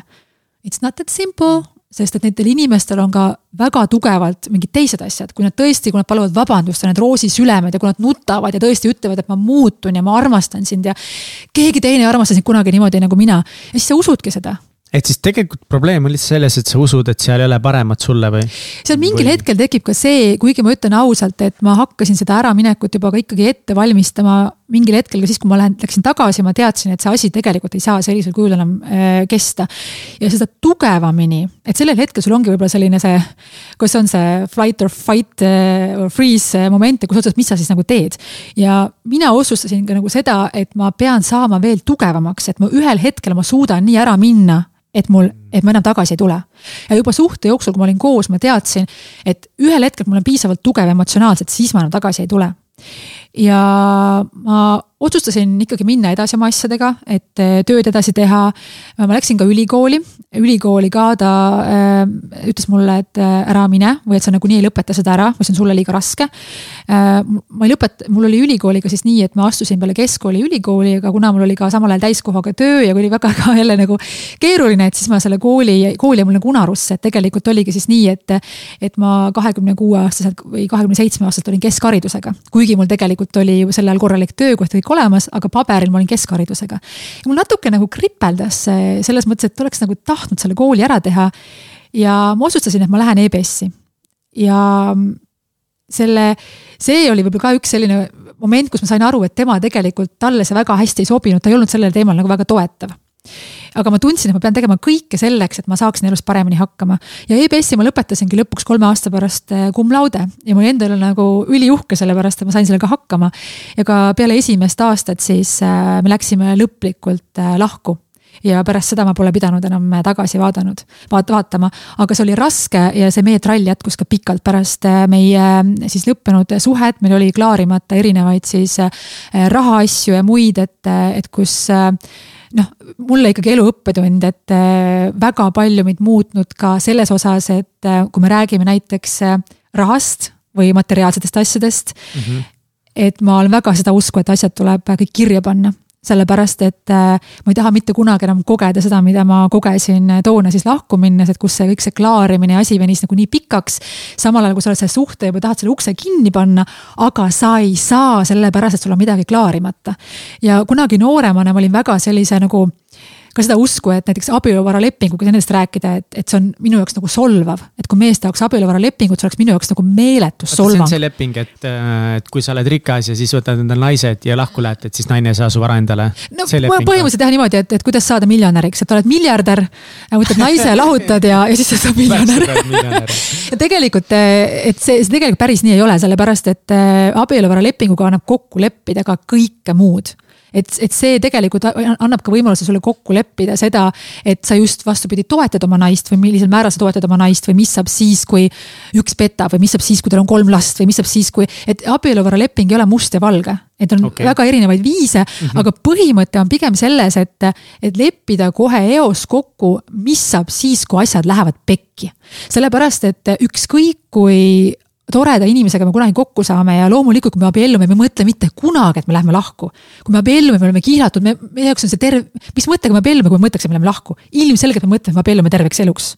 loomulikult ja teistpidi mõelda on kuidagi kahju, valus, kurb ja nõme. aga kui me vaatame ümberringi, siis kõik võib elus juhtuda. mitte ainult seda, et mees teeb su maha ka meie ise või noh, et kui see, kes nagu siis ei, ei taha seda lepingut, ka meie ise võime elus teha mingisuguseid lükke või pöördeid. me ei tea, kuidas me kasvame inimesena, me ei tea, mis mõtted meile pähe tulevad. ja pigem just see leping selle mõttega, et hoida ära siis seda olukorda, kus me peaksime aastaid veel pärast kaklema mingites asjades, mis tegelikult võiks olla kohe selged. ja see ei tähenda seda, et mees peaks naisele midagi andma või vastupidi. et äh, see pigem on see, et me hästi ratsionaalselt lepime kokku, et, et mis siis saab, ongi kõik. hästi mm -hmm. lakooniline ja, ja see võib-olla on selline asi, mille peale ma hakkasin alles hiljem mõtlema, et, et ma ei olnud küll abielus, aga, aga ma saan nüüd aru sellest, et miks headel aegadel, samamoodi nagu ettevõtluses, kui me räägime näiteks ettevõttest või partneritest, et miks on hea teha kokkulepe siis kirjalikult, mitte ainult suusõnaliselt. sest et päikesepaistelistel päevadel on meil kõigil hästi. aga kui meil läheb pekki, tekivad emotsioonid, tekib viha, võib-olla isegi kättemaksuiha, et siis lähevad kõik reeglid vastu taevast Mm -hmm. et, et see on ka võib-olla asi, mis mind on teinud selliseks nagu, mm, ma olen rohkem võib-olla struktureeritud selles mõttes, et minu tegutsemisviisid on siis läbimõeldumad ja ma võib-olla mõtlen ka kaks sammu ette oma asjades. et ma lihtsalt ei taha teha äh,, ma tahaksin õppida oma vigadest siis nii-öelda. sest targad on need, kes vähemalt oma vigadest õpivad aga mis sa arvad, miks sulle seda vägivaldset suhet oli vaja? ma arvan seda, et ehm, see andis mulle, võib-olla tõukas mind veel rohkem eh, olema mina ise, uskuma iseendasse, saama aru sellest, et me igaüks peame võtma vastutuse oma elu eest. ja võib-olla aidanud mind väga palju kaasa ka selles, mida ma täna teen. et kui ma kasvõi räägin Blondcastist, et miks ma hakkasin tegema seda, ma tunnen, et eh, et kui ma näen inimesi, kes on võib-olla minuga sarnastes erinevates lõksudes, kas, kui me räägime siis äh, majanduslikust olukorrast või suhetest, et võib-olla läbi selliste lugude, kus inimene on oma näo ja oma nimega, me võtame nendest natukene rohkem kui siis, kui need lood on anonüümsed ja meile nagu võõrad. ja ja see kõik sellised õppetunnid, ka valusad ja ebameeldivad, on mind tegelikult ju toonud eh, sinna, kus ma täna olen. ja seetõttu ma olen kõikide oma vigade ja pekkiminekute eest ääretult tänulik. minu ainukene soov võib-olla oleks see, et ma oleksin teinud oma vead kiiremini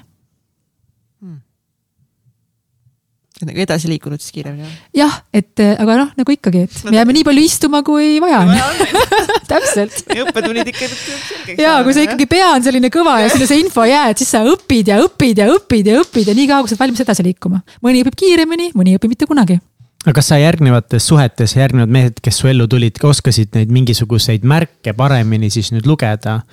Kas see on, kas see on noh, et kas sa siis õppisid sellest kogemusest? jaa, ma õppisin isegi liiga hästi, sellepärast et mul on praegu tekkinud mingisugused traumad selles mõttes, et et mingisuguste iseloomujoonte suhtes ma olen väga ettevaatlik.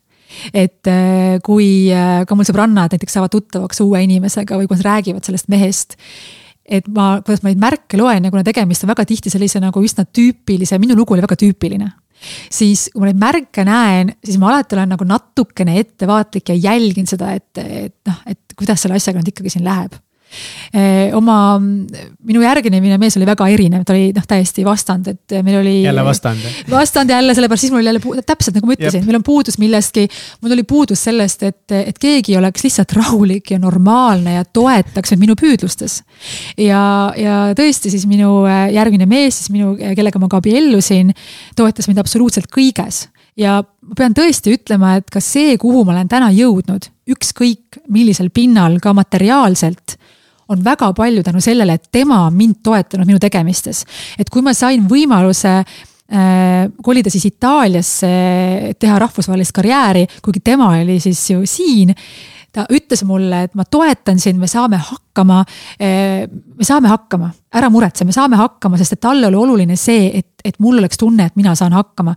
ja kui ma ei oleks neid samme teinud, või kui ta oleks öelnud mulle, et ära mine ja ma ei oleks läinud, sellepärast et ma ikkagi ju armastasin teda ja kui mu mees oleks öelnud mulle, et palun ära mine ära, ma ei oleks läinud.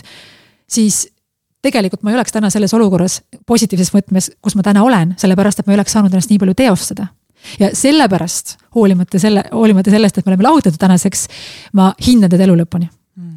miks te lahutasite? me olime väga erinevad ja meie suhe äh, oli väga hea selles mõttes, et me olime, ma arvan, et me andsime üksteisele väga palju, aga me saime üsna varakult juba aru, et me oleme väga erinevad inimesed, kuigi meie need põhiväärtused olid samad, aga see meie igapäevaelu dünaamika oli lausa häirivalt äh, erinev ja me ei suutnud saada seda kuidagi sünkrooni ja, ja see lõpuks hakkas järjest rohkem meid nagu painama, et me, ma väga usun sellesse, et inimesed võivad olla erinevad, sellepärast et see rikastab mm, -hmm. aga just, et selle, see peab tekkima mingisugune nagu sünergia ja meil ei tekkinud seda sünergiat, meil tekkis rohkem selline nagu natuke nagu vastukäimine või, või äh, me ei olnud ka võib-olla piisavalt targad ja ma arvangi, et me ei olnud võib-olla piisavalt targad, et seda osata võib-olla siis targalt nagu handle ida.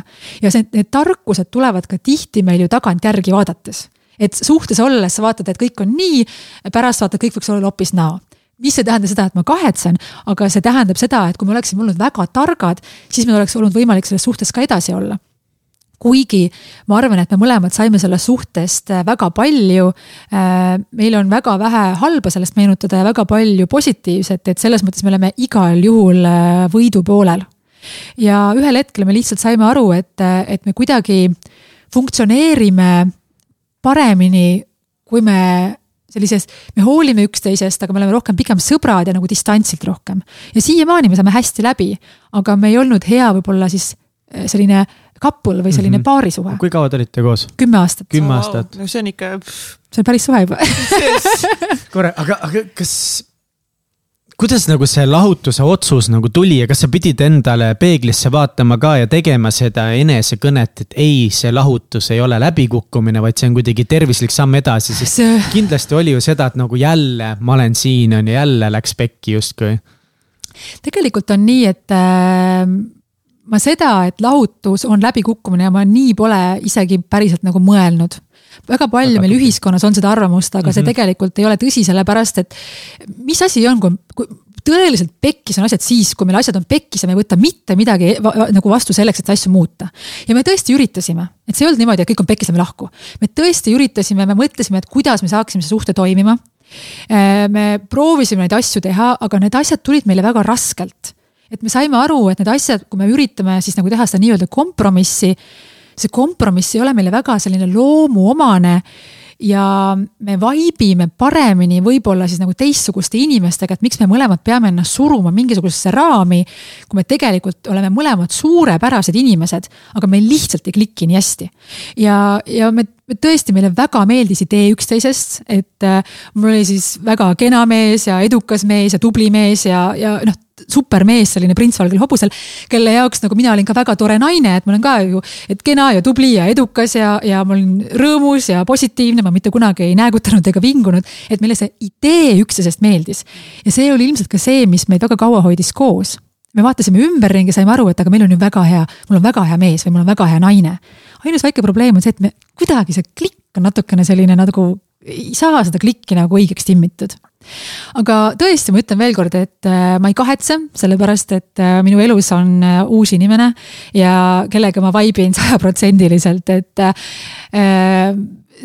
et, et ma tunnen, et, et see, et see oli igal juhul õige otsus. hästi julge otsus ja väga õige otsus versus see, et te lihtsalt jääte nagu. vegeteerima. täpselt et kui paljud seda teevad, ei julge lihtsalt seda otsust vastu võtta, et nagu davai, meie aeg on läbi saanud, nagu let's move on. ja, aga noh, eks see koos on vaata ju turvalisem ja, ja eriti ka veel ja, ja, ja seetõttu mul on ka hästi hea meel see, et mul on selline materiaalne äh, siis äh, iseseisvus, sellepärast et äh, kui ma tuttavaks temaga sain, siis ma olin veel üsna ma olin veel ainult oma Eesti töökoha peal, ma ei olnud veel alustanud investeerimisega.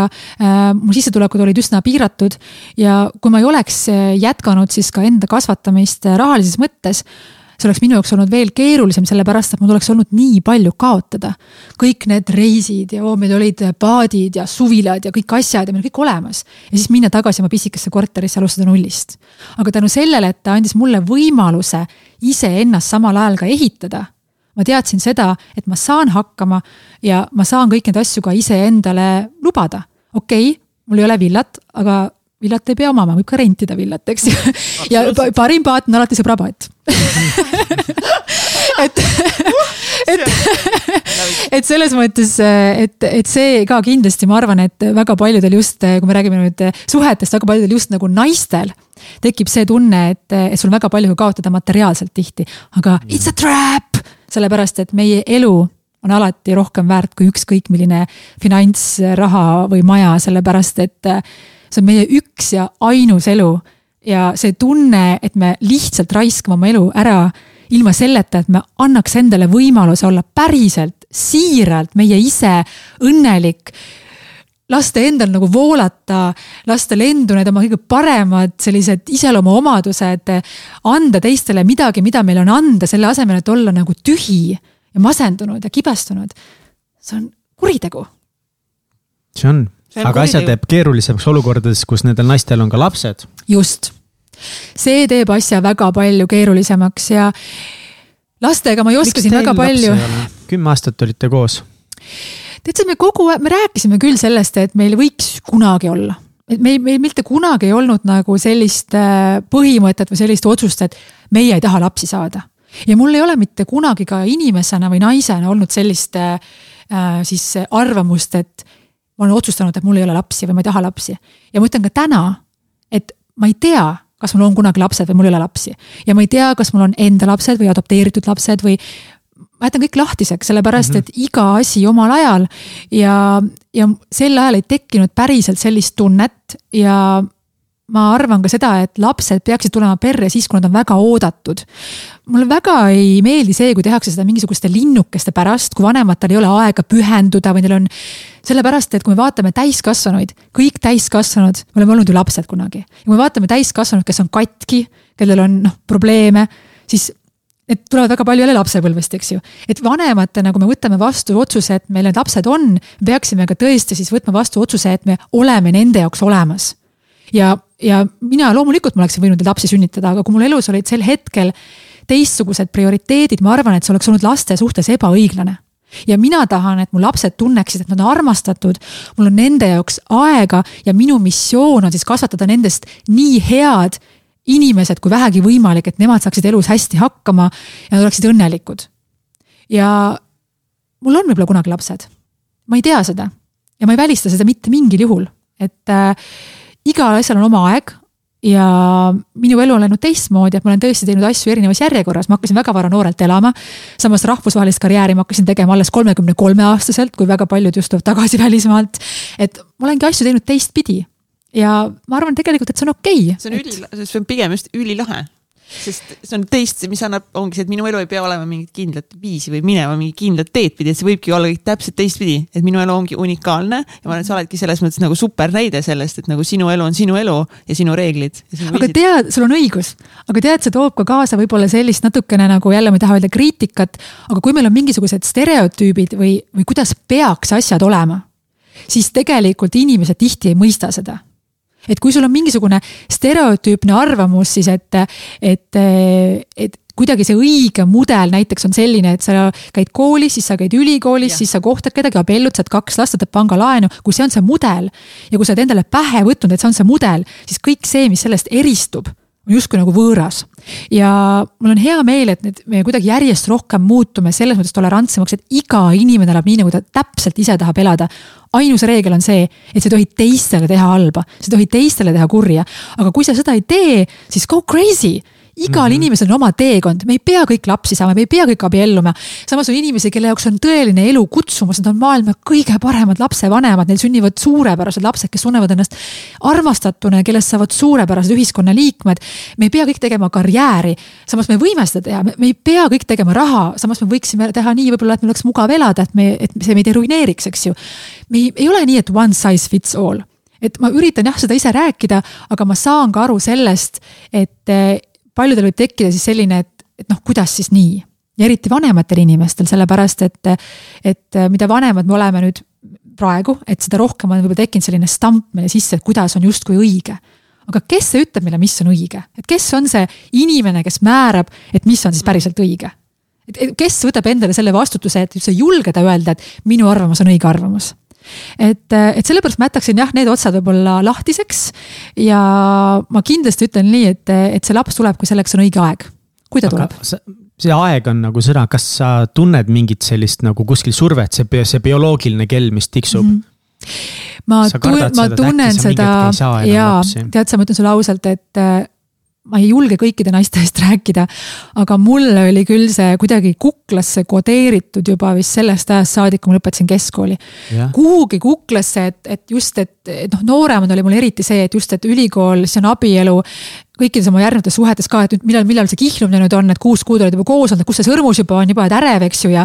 et siis, et, et see kuidagi see stamp oli mul endal täpselt samamoodi ja see, et ma olen igale poole hiljaks jäänud, et kellelgi juba on oma ettevõte, keegi juba on kuskil mingisugune eh, juht, kuigi mina olen alles spetsialist. et kogu aeg oli selline tunne, sa kuhugi hiljaks jäänud, samamoodi see laste tunne. ja ma olin väga mures selle pärast. lõpuks ma olin, et okei okay,, et enne kui ma kakskümmend viis saan, mul on kaks last. siis oli, et okei okay,, enne kui ma kolmkümmend saan, mul on kaks last ja ma kogu aeg ikkagi sättisin ja mõtlesin, et see on see normaalne yeah.. kuni lõpuks mingil hetkel ja alles väga hiljuti ma olen suutnud sellest, äh, sellisest nagu tempost ja sellest nagu, mis on see normaalne lahti lasta. leidnud selle enesekindluse, kus ma olen aru saanud, et tegelikult ei ole meil piiranguid. ja kui sa küsid just seda, et äh, naistel ju me räägime siin bioloogilisest kellast, eks ju et äh, meil on tänapäeval selline võimalus, nagu me saame siis külmutada nii oma seemne kui munarakke mis ei tähenda seda, et võib-olla oleks väga õige hakata siin äh, lapsi sünnitama, kui me oleme viiekümne viie või kuuekümne või seitsmekümne aastased, sellepärast et. et ka meil on teatud ju hulk aastaid, kui me, palju me saame elada, palju meil on energiat ja kõike seda. minu ema sai minu viimase õe neljakümne kahe aastaselt äh, et noh, mina olen täna alles nelikümmend, alles et, et noh, igalühe, igal asjal on oma aeg. et peaasi on, ma arvan, et kõige tähtsam on see, et sul on seda energiat ja tahet ja seda armastust anda sellele lapsele, kelle sa tahad kasvatada selle korraliku, hea ja õnneliku ühiskonnaliikme. ja mina olen oma munarakut külmutanud, mis tegelikult siis tähendab seda, et mul on veel äh,, see slot on nagu justkui pikem ja ma ei pea olema täna nagu väga murelik ja ma ei pea muretsema selle pärast, äh, ma täna võin saada lapsi ka ise, aga mul on ka selline plaan B, kui ma otsustan näiteks viie aasta pärast, et, et ma kindlasti seda last tahan, äh, siis mul on ka selline võimalus suure tõenäosusega seda last saada. aga miks mitte ka näiteks lapsendada? ja, ja, ja täiega lahe, aga räägi lihtsalt nagu ausõna, mega huvitav, no kuidas see protseduur nagu üldse käib ja kus need hoitakse, kas need nagu reaalselt nagu kuskil nagu haiglates või mingi spets, mingid seifid kuskil või tead, ma ütlen ausalt, et ma ei olegi neid, äh, ma ei ole neid seife ise näinud ja ma arvan, et siin kusagile, kusagile neid sisse, inimesi kuskile sisse lasta ka nendesse ruumidesse.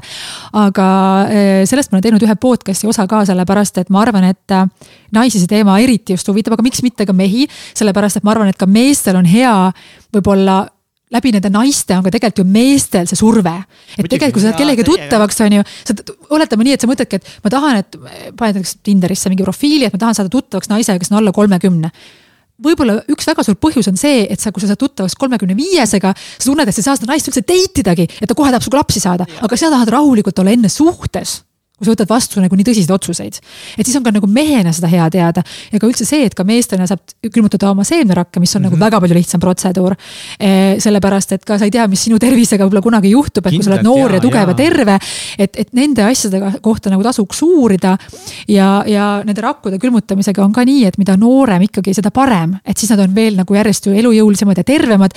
et me jõuame ka elus palju asju teha, mis meie enda tervist, eks ju, pekki keerab, kui me enda eest ei hoolitse äh, meeste kohta ma ütlen, et see protseduur on ülilihtne, mis, kui mehed saavad ka siis seemnerakke külmutada.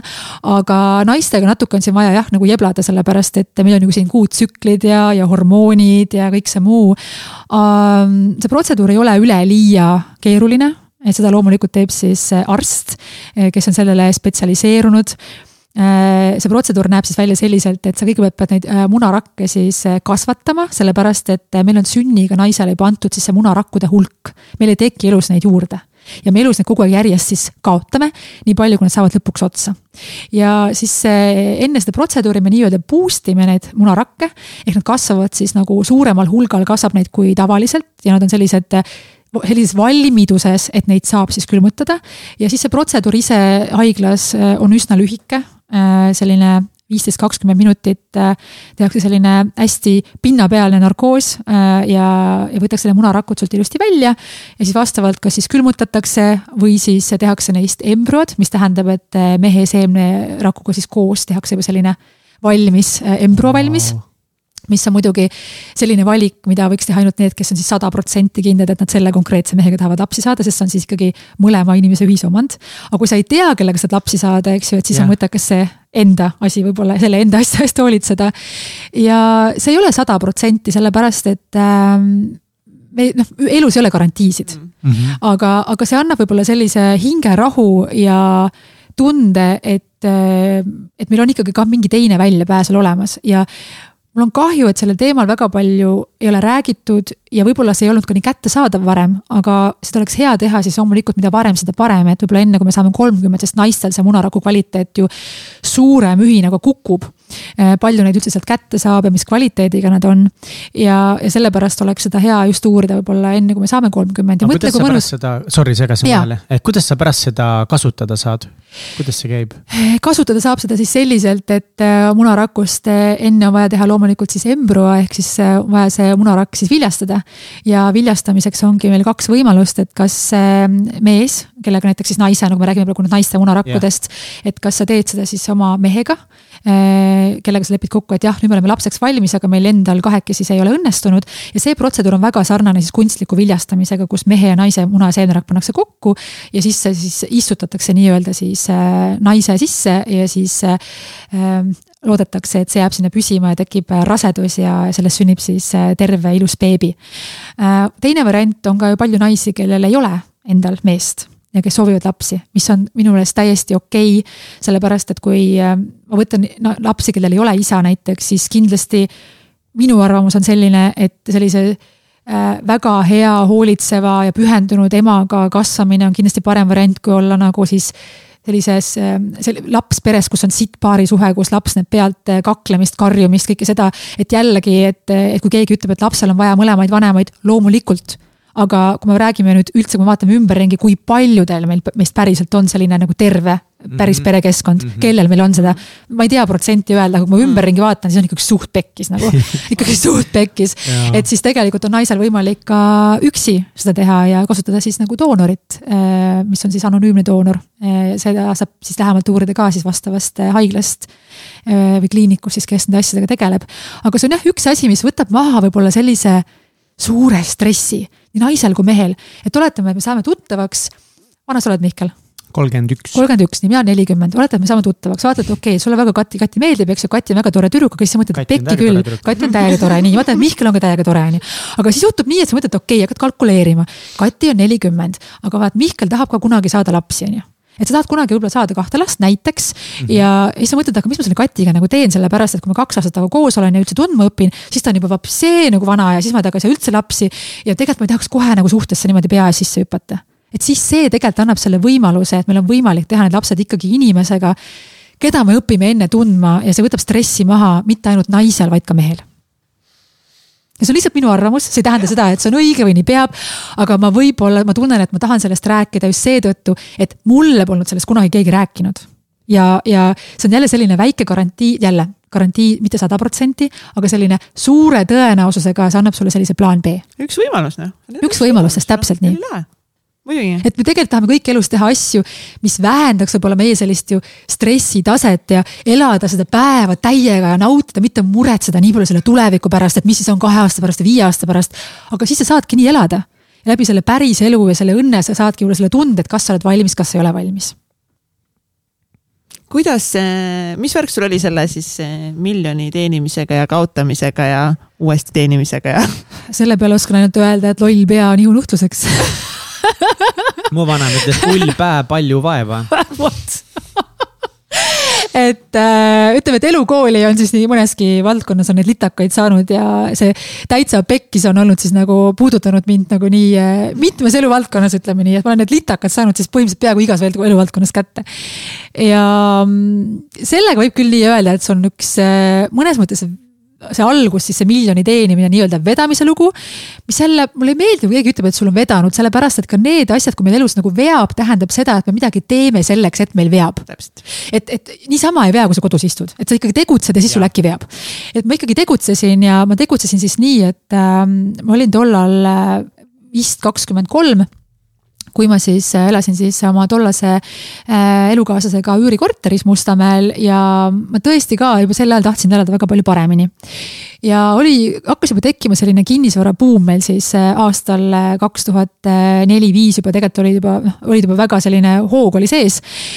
ja ma sattusin siis Asula tänavale mis tõesti, ma ütlen, et ma sattusin, ma eksisin sinna autoga ära ja ma lihtsalt jätsin auto seisma ja ma vaatasin, et vau wow,, et üks tänav, kus on terve tänav nagu pisikesi mõisasid täis.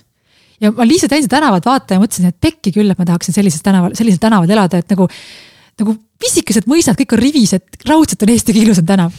ja raha mul ei olnud, sellepärast et äh, ma töötasin sel ajal reklaamiagentuuris, kus palk oli väga kõikuv ja äh, ma sain siis, ma ei mäleta, kas see oli otseselt nüüd miinimumpalk, aga selline püsi- või põhipalk oli siis kaks tuhat krooni mis siis täna, ma ei tea, kas on mingi sada viiskümmend kuus eurot või, või midagi sellist viisteist koma kuuskümmend viis peab jagama vist. midagi sihukest jah. Eh, et eh, või isegi sada kakskümmend kuus eurot või ma ei tea, matemaatika näed, ei ole nii, ei ole nii hea et, eh, et ühesõnaga rahalised hõlmastused olid nagu suhteliselt olematud, aga see tahtmine oli nii suur. ja ma hakkasingi asja uurima ja lõpuks siis peale siis erinevaid läbirääkimisi pankadega ma sain siis endale pangalaenu nullprotsendilise sissemaksega nelja neljakümneks aastaks. kuna see oli siis nii-öelda uus arendus, kuna see maja lõhutis seest ära, jäeti ainult järgi see vanaaegne fassaad ja ta läks nii-öelda uusarenduse sisse. siis uusarendustele tollal anti siis sellist nullprotsendilist võimalust. ja kuna ma olin nii noor, ma sain ka selle nelikümmend, nelikümmend aastat ja lisaks sellele mul piisas siis ka tööandja sellisest nagu tõendist, et ma hakkan järgmisest kuust saama rohkem palka. kuigi ma selle ajani ei olnud saanud seda palka. ja ma saingi siis selle miljoni kroonise korteri siis niimoodi, et ma põhimõtteliselt nagu suhteliselt nullist. Ja kuna buum käis äh, suure hooga edasi, siis äh, aasta hiljem see, see korter oli väärt äh, buum ja kaks miljonit. ja mm, tuli selline tunne, et kurat, raha teha on ju nagu megalihtne. Ma ei saa aru, miks kõik inimesed rikkad ei ole nagu, et come on people nagu, et üks miljon, kaks miljon et millest te räägite, et miks ma üldse seal koolis käisin, et nagu elu nagu Ernest. kohe tuumlisse ostad kohe. kõik on väga lihtne ja müüsingi selle korteri maha ja teenisin sealt siis selle miljoni, miljoni krooni millest mul üks osa läks siis äh, uue korteri ostuks. sellepärast, et ma ostsin endale kohe ka siis äh, uue korteri kesklinna. mul vist läks sinna kui ma ei eksi, äkki kas mingi kakssada viiskümmend, kolmsada tuhat krooni. ja siis mul jäi järgi veel üks selline väga-väga suur summa ja kuna ma sel ajal sisenesin ka ühte oma sellisesse raskesse suhtesse, mida ma siin ka mainisin, siis need rahaasjad läksid kõik väga, väga nii, nagu nad ei oleks siis pidanud minema, et tegin ise lollusi äh,, olin ise rumal äh,, usaldasin liiga palju, samal ajal ei saa ka salata, et tegin ka ise rahaliselt täiesti, ma ei tea, kuidas eesti keelt, keelt oleks õige kasutada nõderaid või nõtru asju selles mõttes, et. mis sa tegid siis, mis sa ostsid? ostsin talle sportauto. ikka sellise ikkagi nagu kõige kõva mootoriga ja valge nahksisu ja punane ja kabrio ja kõik noh, ikkagi nagu ja. lasin endale. Mersu, Mersu. lasin endale panna sellised äh, selja nõgususeni sellised äh, topeltsoengu valgeid juuksepikendusi ja selline minikutsikas jäi veel puudu niimoodi, siis oleks olnud nagu täiskomplekt, selline legally blond. et, äh, et tegin selliseid hästi-hästi rumalaid, rumalaid, rumalaid asju. ja mm, see auto ka, selle autoga sai üldse nii, et tegelikult see sai lõpuks ikkagi võetud äh, liisingusse, aga see sai minu siis tollase mehe firma nimele, kuna ta siis arvas, et nii on väga palju mõistlikum, kuna seal on kõik need käibemaksud ja muud maksud ja mina nendest asjadest ei jaganud toona nagu mitte midagi. et, et äh, noh, lõpuks siis läksin sealt suhtest siis niimoodi ära, et trolliga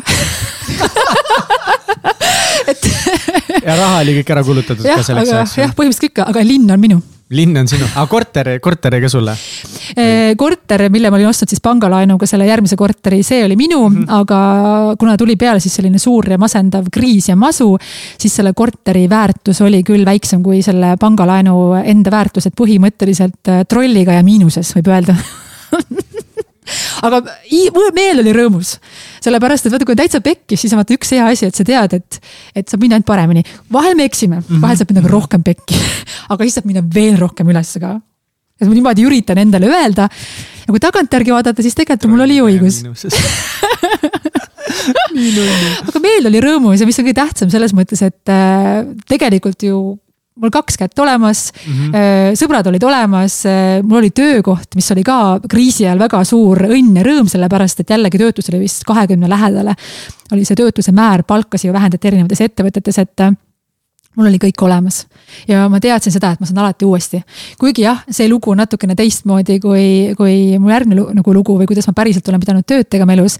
aga siiski ma sain sealt mingisuguse jällegi, nagu me alguses rääkisime, sellise mm. edukogemuse või selle tunde, et it's possible. Nagu et me peame lihtsalt natukene sudima ja natukene vaatama ringi, hoidma silmad lahti, tegutsema ja küll me saame.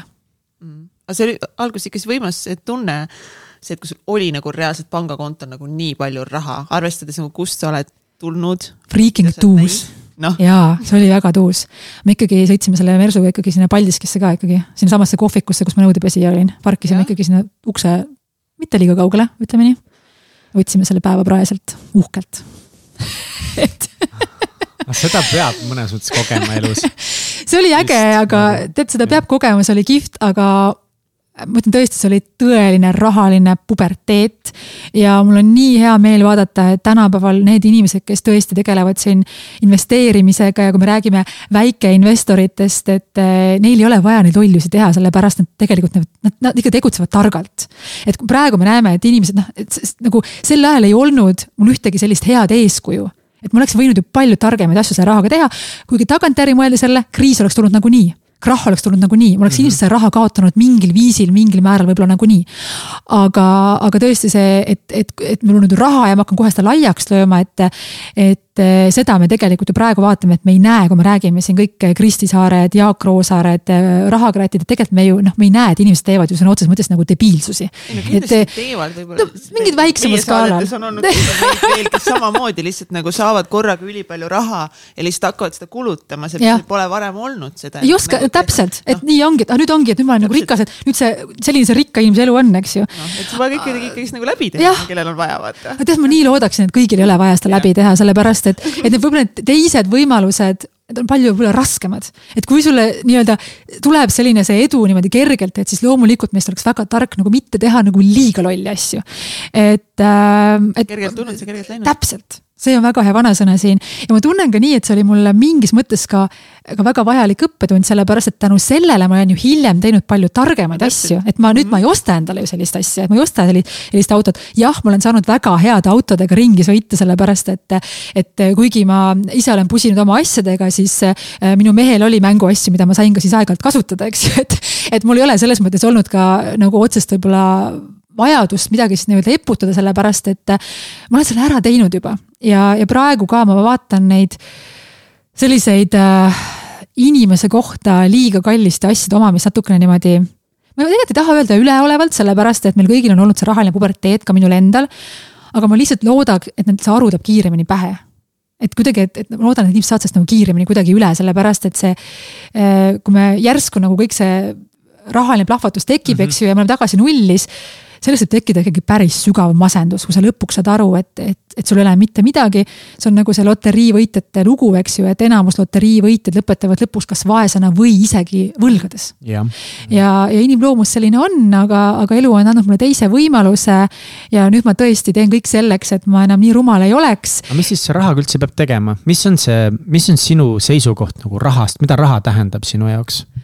väga lihtne raha tähendab minu jaoks vabadust absoluutselt kõige rohkem see tähendab minu jaoks vabadust. Ja vabadus on üks selline asi, mis on minu jaoks üks olulisemaid asju, mille, mille poole ma püüdlen, ma tunnen, et mul on see vabadus, aga just see, et meie inimestena saaksime olla oma tegevustes, oma tunnetes, oma elus võimalikult vabad, olla meie ise saada teha neid asju, mida me päriselt soovime teha.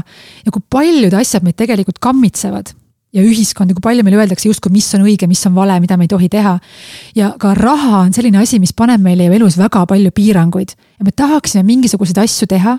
jah, väga palju asju on, mida me saame teha ilma rahata. raha ei tee õnnelikuks äh,. aga raha annab sulle võimaluse valida rohkemate asjade vahel äh, ükskõik, mis valdkonnas me räägime, see annab sulle lihtsalt rohkem võimaluse valida. ja ma saan rohkem tegelikult läbi selle olla ka mina ise. ja ka see, et ma täna teen seda näiteks podcast'i või teen mingeid muid asju või mingeid muid asju, mida ma kunagi hakkan tulevikus tegema. et siis ma saan neid asju teha läbi sellele, et ma olen loonud endale mingisuguse turvatunde muude asjade najal. sellepärast, et näiteks minu podcast äh, veel raha sisse ei too, vaid teeb mulle sellist väikest miinust, aga ma naudin seda ja mulle meeldib seda teha ja kui ma seda teen, ma olen õnnelik. ja ma saan seda ainult lubada siis seda hobi endale tänu sellele, et mul on see nagu covered, see, see valdkond. kui ma väga palju peaksin praegu pingutama selle nimel, et ots otsaga kokku tulla mul oleks seda kraad keerulisem teha, sellepärast et siis mul oleks seda aega võib-olla rohkem panna sinna, et kuidas saada hakkama ja inimestel on ka väga palju erinevad levelid ja ma nooremana arvasin, et mul on, et mida rohkem, seda parem. nüüd ma olen jõudnud sinnamaani, kus ma saan aru, et tegelikult mul ei ole üldse väga palju vaja, et selleks, et kui ma ütlen, et minu see äh, siis see äh, raha miks, miks mulle raha meeldib, on see vabadus, siis ma saan aru, et selle vabaduse enda jaoks mul ei ole vaja väga palju, mul on vaja piisavalt. ja ma tunnen, et ma tegelikult olen seal, et ma olen üsna sellises Äh, väi-, vaikse kasvamise säilitamise moodis, et ma ei ole nagu hetkel sellises äh, äh, moodis, et ma pean midagi tegema veel väga suurt ja võtma väga suuri riske mm. -hmm. et ma pigem tunnen, et, et ma pusin vaikselt edasi, ma kindlasti kasvan, aga ma soovin teha seda piisavalt mõistlikult, sest ma väga-väga ei taha seda raha rohkem enam mitte kunagi kaotada tahan, et see oleks pigem, pigem niimoodi turvaliselt, et, et ma ei peaks seda Bitcoinis kolmandat. ei et ma peaks nagu kolmandat korda seda enam tegema, et, et ma selle kohta võin öelda küll, et ma olen üsna selline konservatiivne investor, sellepärast et ma lihtsalt, ma lihtsalt ei taha seda enam uuesti läbi teha hea Pole vaja enam, see on juba, See on see on juba tehtud. tehtud, et see, selles Jaa. klassis on juba istuma Jaa. jäädud, see on juba edukalt lõpetatud, et lähme edasi, jaa. aga täpselt. selle finantsvabadus, täpselt nagu ütlesid, see, et mis oleks sinu jaoks piisav, kas sa oled selle saanud nagu pigem läbi väga hea palgatöö et noh, kui sa oled töötanud äh, küllalt kõrgelt kohtadele välismaal, sul on kindlasti nagu väga hea palk olnud. -hmm. et kas pigem see palk ja selle raha kõrvale panemine või head investee-, head investeeringud läbi aegade Mm. noh, põhimõtteliselt ma tahaks küsida täpselt, kui palju, kust sa raha teenid. kust ma raha sain? ja kust sa raha kust sa raha said? kust raha tuleb? Seina seest. kust raha täpselt tuleb, kuidas raha sinuni tulnud on? Printerist. seina seest raha nagu. kust raha tuleb ähm, ja ähm, mu lugu on jah natukene teistsugune kui paljudel sellistel väikeinvestoritel, et eh, meil on siin väga palju väga kihvte edulugusid eh, Kristi Saarega siis eesotsas, et kust just Jaa. me näeme ära seda, et väga väikestest summadest on võimalik alustada ja tekitada endale väga suur asi lõpuks.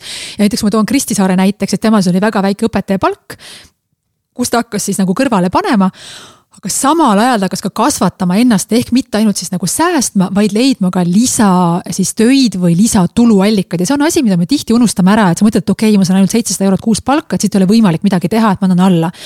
jah tõesti, aga me seda säästmise eh, asja peaksime tegema eelkõige selle, seetõttu, et kasvatada siis endas sellist iseloomu ja harjumust. aga samal ajal siis kindlasti leida endale selliseid nagu side hustle projekte ja asju, mida me saame teha, et, et kasvõi kooliõpilased, gümnaasiumiõpilased saavad tegelikult teha ju koduõpet näiteks matemaatikas või inglise keeles või. või et, et meil on võimalusi nii palju, mida me saame tänapäeval teha.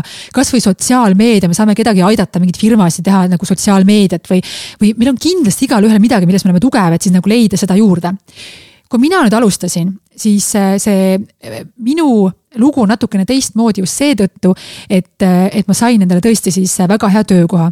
ja kui ma ütlen, et ma sain endale väga hea töökoha, see ei tähenda seda, et keegi mulle jälle niimoodi tuli, et.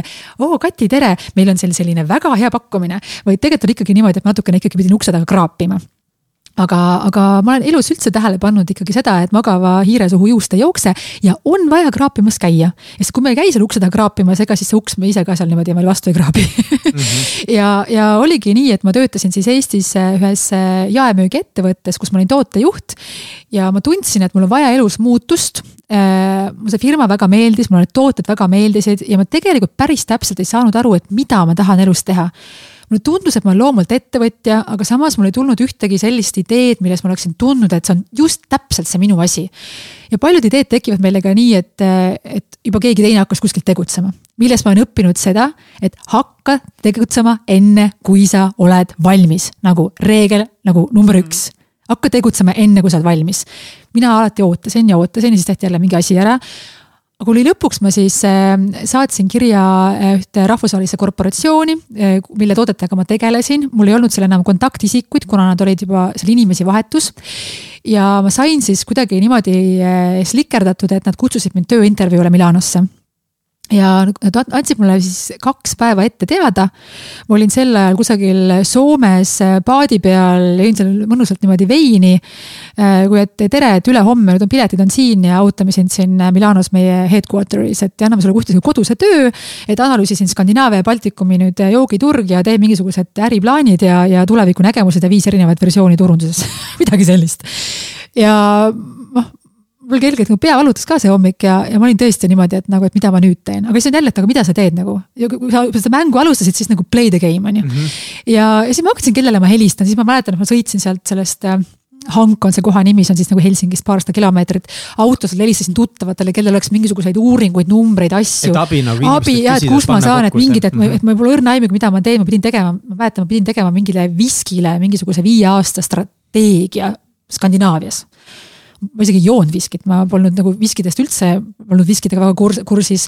pluss siis nagu ma tegelesin tollal nagu Eestiga ja natuke Läti-Leeduga ka ja ma Skandinaaviast ka väga palju ei teadnud, välja arvatud see, et minu siis eksabikaasa on soomlane. ja ma lihtsalt mõtlesin, kust ma saan abi, kust ma saan abi, ma tegutsesin, istusin siis maha, tegin mingisuguse plaani ja lihtsalt otsustasin, et ma lähen sinna, ma olen rõõmus ja ma olen enesekindel, kõik, ma ei saa rohkem mitte midagi teha see on juba, kõik on juba tehtud nii-öelda, et ma lähen sinna ja ma saan lihtsalt olla tore. ja läksin sinna äh, uks lahti, ma ei tea, te vist ei mäleta seda, kunagi selline mingi Rexona reklaam, kus mingi naine jookseb tänavat ja väga hiljaks ja siis teeb koosoleku ukse lahti siis seal hoopis koosolekul kakskümmend viis inimest ja siis tal on nii hea meel, et ta tegelikult kasutas hommikul mingit head deodoranti ja ei hakanud kigistama. et põhimõtteliselt nagu, et seal oli nagu väga palju inimesi, kuid ma lõpuks sain aru nagu, et mul lihtsalt ei ole muud varianti, kui ma lihtsalt nagu lihtsalt play the game. ja seal oli üks dude, kes oli selline keskealine meesterahvas, kes siis ütles mulle, et eh, Katri, so nice to see you again. ja mul oli nagu, et I have no idea who you are, aga ma lihtsalt ütlesin, et väga tore on sind ka näha. ja lõpuks, kui ma tegin siis seda presentatsiooni eh, ma siis küsiti ka, et kuidas ma valin siis partnereid ja kui ma jõudsin siis lõpuks bash ida nagu elu eest mingisugust ettevõtet või mingisugust, eh, kuidas inimesed mingeid asju valesti teevad, siis seesama mees vaatas mulle otsa ja ütles, et actually I think you are right, I should have done it differently. ja ma sain aru, et see on üks minu eh, siis varem nagu siis eelmise ettevõtte koostööpartner kelle lugu ma kasutasin näitamaks, et, et, et kui jube sitasti teed, kuidas mitte teha ja rääkisin selle loo nagu detailideni ära nagu rääkides täpselt ära, et see mees sai täpselt aru, et ma räägin temast. kuni sinnamaani, et ta lihtsalt mõtles, et I have some balls oh,. Wow. ja lisaks sellele loomulikult mingil peol suutsin klaveri peal tantsida, kus tema oli ka, et selles mõttes, et, et sel hetkel ma olin niimoodi juba, et, et I m fucking screwed. aga, aga, aga ma jätkasin seda mängu ja, ja ma hiljem sain teada, et ma sain selle töökoha ka tänu sellele, et hiljem, kuna siis paljud inimesed, kes sinna tööintervjuule tulid, olid siis nagu tulnud sinna siis headquarter'isse kusagilt mujalt, me olime seal hotellis, siis nad nägid mind seal ja me teeme, teeme koos ka sellise nagu spontaanse väikse pitsasöömise. ja kui mind siis tööle kunagi võeti, mulle helistati kaks nädalat hiljem, siis tegelikult öeldi, et see ühine pitsa söömine oli see, mis selle asja otsustas. et selles valdkonnas ja tegemist oli siis alkoholi valdkonnaga, on tähtis see, et äh, üks asi on loomulikult see, et sa oleksid, et sul oleks nutti ja sul oleks tahet ja nälge ja motivatsiooni aga teine on see, et sa oleksid lihtsalt normaalne inimene, kellega on normaalne pärast nagu käia mööda baare või restorane, kellega on normaalne jutustada, sellepärast et see meie valdkond oli väga sarnane meelelahutusvaldkonnale, kus see uks ei panda kell viis kinni, vaid see reaalselt, see on selline nagu people's business mm. -hmm. ja, ja tõesti, ma sain endale siis väga hea töökoha, ma kolisin äh, Milanosse mingi aeg hiljem olid siis ettevõttes sellised suured muutused, äh, kust mind äh, suunati Londonisse, mis mulle meeldis veel eriti sellepärast, et see oli minu jaoks väga palju lihtsam. kuna tegemist oli siis juba teise nii-öelda välismaale kolimisega või teise linnaga, et teinekord lihtsam. Milanos ma olin äh, natukene üle aasta ja Londonis ma olin äh, kaks aastat. ja London oli tõesti, ma ütlen, väga palju lihtsam, ma tundsin, et ma samastun rohkem inimestega. seal on nii palju erinevaid kultuure, ma leian alati selle oma asja äh,. Inglise keel juba ise loomulikult, sellepärast et kuigi mul Itaalias oli eraõpetaja, aga kuna ma väga itaallastega ei suhelnud, sest et äh, selles minu selles osakonnas olid kõik nagu siis väga international ja seal oli erinevatest riikidest, me rääkisime inglise keeles. siis sinna Itaaliasse oli nagu väga palju raskem sulanduda mm, -hmm. kuna mul tollal oli ka kodus mees ja ma ei lantinud mööda paari ringi ringi ja ei sulanud kuhugi seltskonda. ja ega Itaalia naistele need blondid väga ei meeldi ka mm.. aga ma küsingi selle kohta nüüd, et alkoholi business on ajalooliselt sihuke väga meeste business, et on sul olnud väljakutseid, probleeme sellega, et ah, mingi blond Biff dissidega tuleb? muidugi on, et selles mõttes äh, loomulikult on, aga ma olen kasutanud seda just, ma tegelikult olen sellega räigelt lihtsalt provotseerinud. sest et see on lihtsalt, see on lihtsalt tegelikult nii naljakas, et kuidas me ma ütlen, eriti veel Itaalias, eks ju, Itaalias me räägime ikkagi ühiskonnast, kus on nagu väga selline ikkagi noh, meesenergia ja. ja ikkagi noh, seal on eriti veel see kuidagi, et, et naised teavad, kus nende kohtumas on, on ju. ma ei nagu taha nüüd kõige eest rääkida, aga seal on see väga juurdunud sisse ikkagi see, et see hierarhia. ka see, mida meil Eestis nagu väga ei ole, et kuna me oleme nii uus riik. ja meil on niimoodi, et president on kõrval, eks ju, kõrval lauas kusagil kohvikus, et mitte teist nägugi, et see on kuidagi, et aa, president mm. -hmm. et, et siis seal on ikkagi niimoodi, et, et kui liftis noh, ma ei, mul oli nagu meie grupi siis CEO oli siis liftisse ja ma hakkasin temaga natukene siis plämama. siis eh, mu kolleeg oli näost valge ja pärast küsis, et kas sa saad aru, kellega sa rääkisid. ma ütlesin, et jaa, muidugi ma saan aru, kellega ma rääkisin, aga mis siis on nagu et, et, et noh, sa oled nagu, et ma olen kogu aeg olnud ikkagi nagu mina ise ja ma arvan, et meil, eestlastel on just see, et me oleme nii vahetud seetõttu, et meil ei ole seda vana raha või hierarhiat või seda, et ja, ja. mingitesse inimestesse peab teistmoodi suhtuma. aga ma olen kasutanud seda blondi kaarti päris palju just seetõttu, et ma olen oma töö hästi ära teinud ja just näidanud neile, et ma olen läinud kusagile presentatsiooni tegema, ma olen just läinud niimoodi, et ma olen juuksed lehvivad ja on, värviline asi on seljas ja kontsad on jalas, et sellepärast et nagu. mis nagu jah, et nagu, mis, mis mõttes nagu peab niimoodi, et miks ma pean suruma ennast nagu siis sellisesse ma ei ütle, et ülikonnad halvad on, aga miks ma pean panema selga endale ülikonna, näiteks kui ma tunnen, et see ei ole mina. ja ma väga palju tegin seda, kui ma olin noor, kui ma töötasin reklaamiagentuuris, ma ikkagi ostsin endale diplomaat, freaking diplomaatkohvri ja kostüümi nagu nööpid ja, ja seeli kõik värgid, ma ikkagi, ma tahtsin nii palju olla vanem ja tõsiseltvõetavam. kui ma lõpuks sain aru, et nagu fuck this shit, et mina, et see, mis mul on mõistuses või peas, seda ei saa mult mitte keegi ära võtta. et ma pigem nagu näitan neile sa ei ja... lasknud kunagi nagu kuidagi ennast haletseda umbes selle pärast või, või mitte haletseda on vale sõna, mida ma otsin praegu, ma otsin seda sõna nagu, et. et sa ei jäänud sellesse kinni, et noh, on küll nõme, et nad nagu suhtuvad naistesse võib-olla niimoodi, aga sa kuidagi nagu sina panid edasi. ma keerasin veel vinti peale. keerasin vinti peale. keerasin veel vinti peale ja ma, ma olen vinti keeranud väga palju peale, noh tegelikult täna juba need kolleegid või partnerid, kellega ma suhtlen, tegelikult tunnevad mind juba väga hästi. aga ma ikkagi olen ikkagi väga avameelne ja ka noh, praegu me räägime, et ma võin rääkida ka nagu äh, oma eksmeestest ja munarakkude külmutamist samamoodi nagu õhtusel peale, peale koosolekut, kus me räägime nagu eelarvetest ja üks miljon, kaks miljon ja, ja mhm. kakskümmend mm -hmm. miljonit, eks ju, et, et see, et see vahetus tegelikult on töötanud minu kasuks, sest et tegelikult me oleme kõik inimesed. meil tegelikult on inimestega lihtne, kui on nagu no games, no bullshit.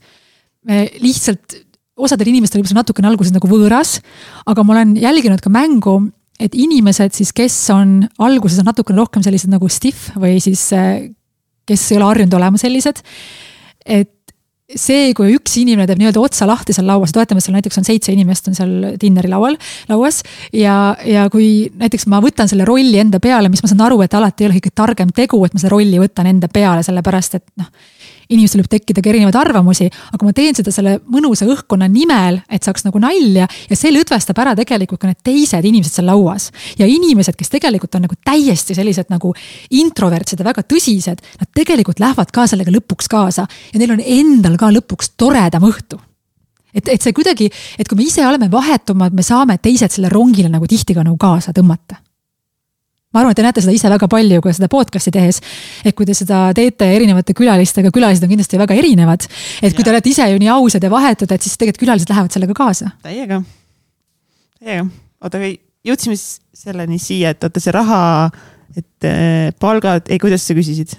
et, et, et kas ja. rahalise vabaduse pigem on toonud sinu jaoks äh, pikka aega hea palga teenimine ja sellest mm -hmm. siis ilmselt lihtsalt kõrvale panemine mm -hmm. või juba väga pikalt äh, stabiilselt investeerimine. jah, no väga pikalt ma ei ole saanud nagu seda teha, sellepärast et siis kaks tuhat kümme oli mul punkt, kus ma olin pigem natukene miinuses Äh, et ma tegelikult alustasin äh, suhteliselt nullist. Ähm, siis hakkas majandus vaikselt kasvama, mul oli see üüri, siis see korter, mille ma olin ostnud, siis äh, see väärtus muutus negatiivsest nulli ja hakkas sealt nagu natukene tasa, tasakesi niimoodi tiksuma edasi, üks euro, kaks euro, viis eurot. aga üldiselt siiski see, et, et tänu oma sellisele rahvusvahelise karjäärile ma sain hakata panema kõrvale väga palju suuremaid summasid, kui ma oleksin seda saanud teha Eestis minu äh,, mul olid nagu head võimalused selleks, sellepärast et Itaaliasse kolides äh, esiteks mul oli väga hea positsioon, kus maksti väga hästi. Ehm, mul ei läinud väga palju raha ka oma elu peale, sellepärast et tänu tööle ma käisin väga palju söömas restoranides ja käisin mööda baare. et see lõbu oli justkui nagu selle mm -hmm. noh, juba maksud ettevõtte nice. poolt, et see on väga nice. ülilahe. ülilahe, et no tegelikult mul ei kulunud nagu meelelahutuse peale, mul tegelikult raha ei kulunud, eks ju. ja Londonis läks veel eriti hästi, sellepärast et eh, see on nagu selline holy grail, kuhu tegelikult nagu kõik ütleme, karjääri nii-öelda, kes, kes tahaks siis nagu seda teed minna, et võiks nagu püüelda, on see, et kui sa saad siis sellise nagu ekspat staatuse, kus ettevõte või korporatsioon sind juba ise liigutab. sest et Milanosse läksin ma ise, aga Itaaliast liigutas mind Londonisse ju eh, see ettevõte ise. ja siis see tähendab seda, et sul on mingisugune magus pakett sealjuures. et jah, loomulikult, Inglismaa, London on kallim, sa said, ma sain kõvasti juurde palka, ma sain kõiki muid tingimusi. aga lisaks sellele mul maksti täies mahus kinni ka kogu minu elamine uh.. mis on nagu tõesti uh, nukid. sellepärast, et, et see Londonis elamine, noh, ma ei tea, kas te olete näinud seda äh, Notting Hill, seda filmi, kus Hugh Grant elab seal koos selle oma selle yeah.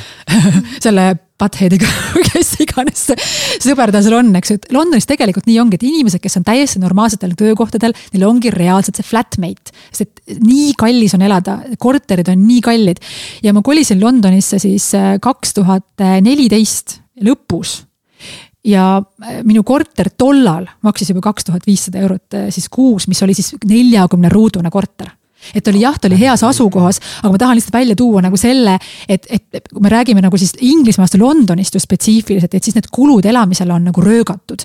ja see, et ettevõte maksis mul need kulud kinni see jällegi oli mulle nagu raha maast leitud, eks ju, et, et ma sain seda raha jälle kõrvale panna.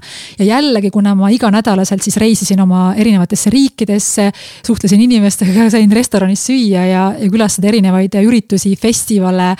ma olen käinud igasugustel ägedatel, noh, Rootsis, Taanis äh,, ma olen kolistanud läbi kõik need igasugused kihvtid kontserdid ja festivalid ja kõige paremad baarid ja restoranid. siis mul selle peale tegelikult ei kulunud ka raha.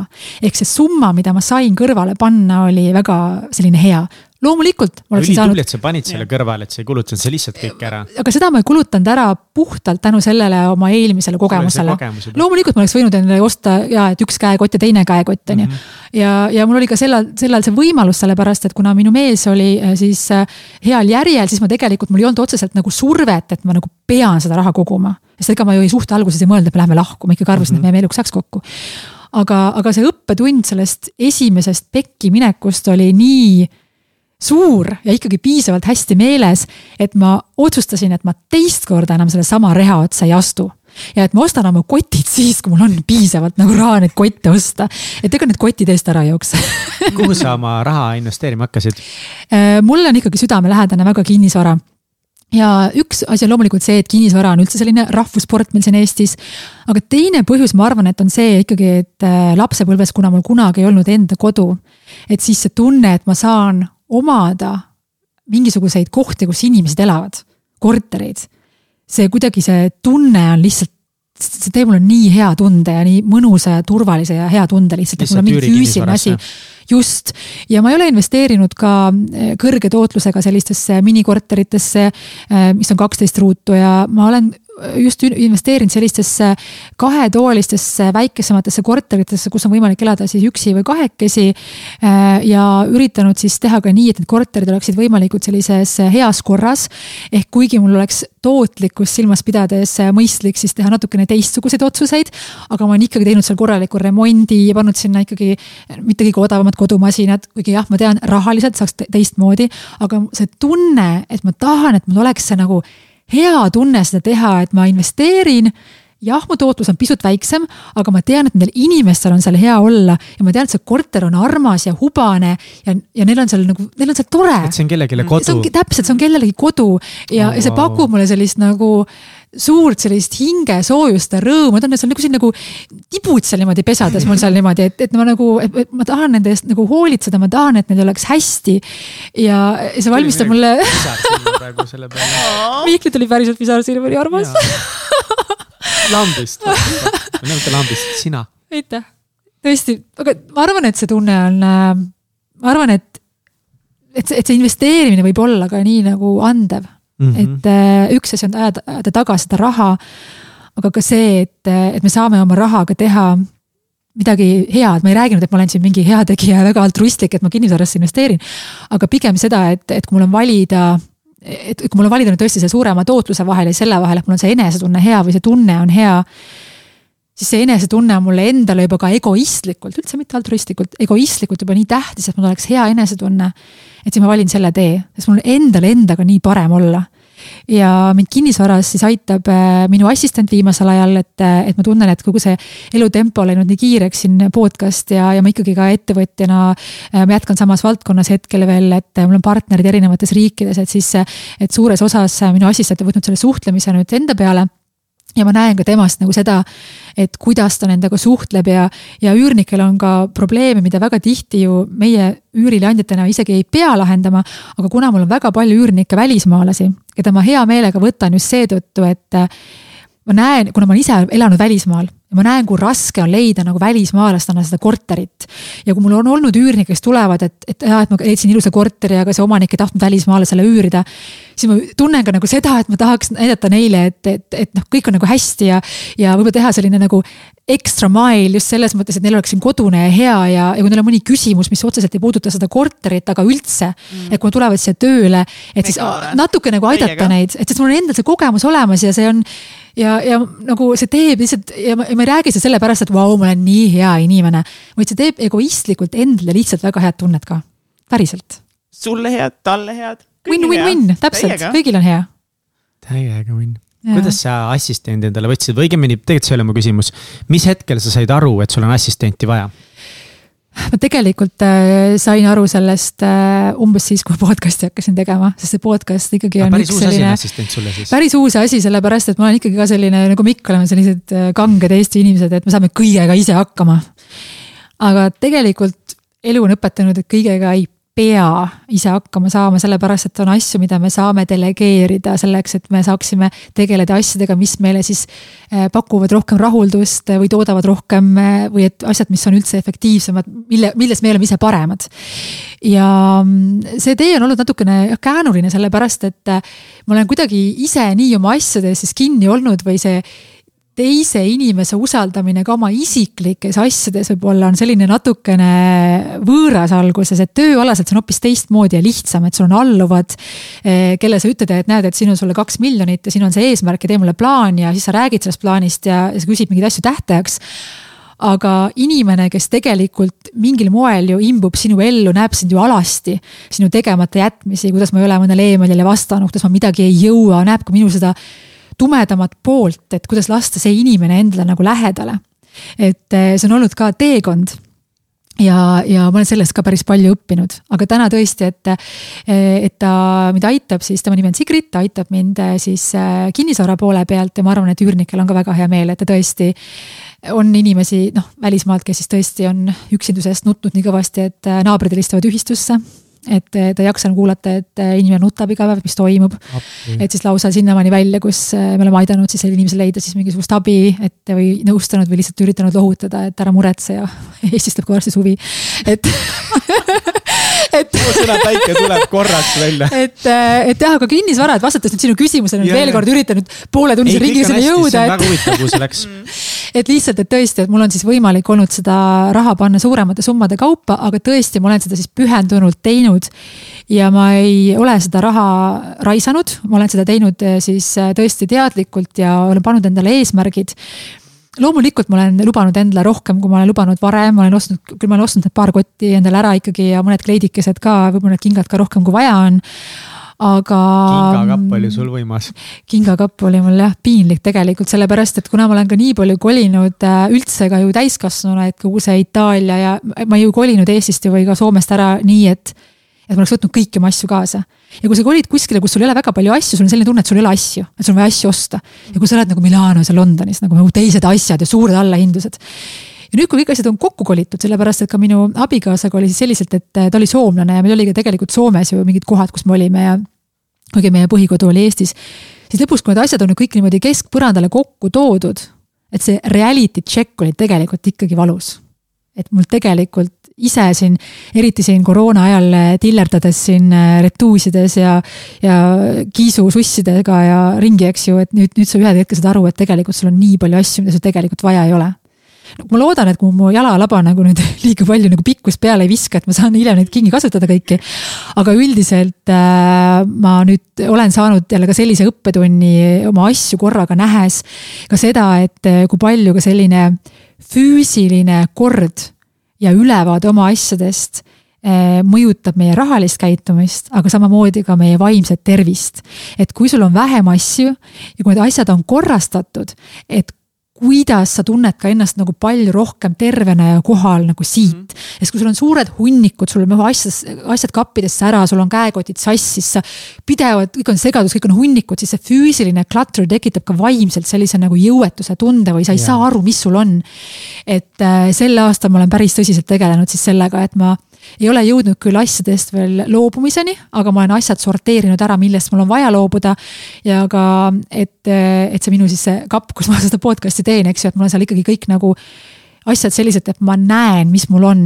ja selleks, et kui ma midagi tahan osta, ma vaatan kõigepealt üle, et mis mul juba on. et ma ei teeks nagu rumalaid otsuseid ja saaksin selle rahaga teha hoopis midagi siis targemat.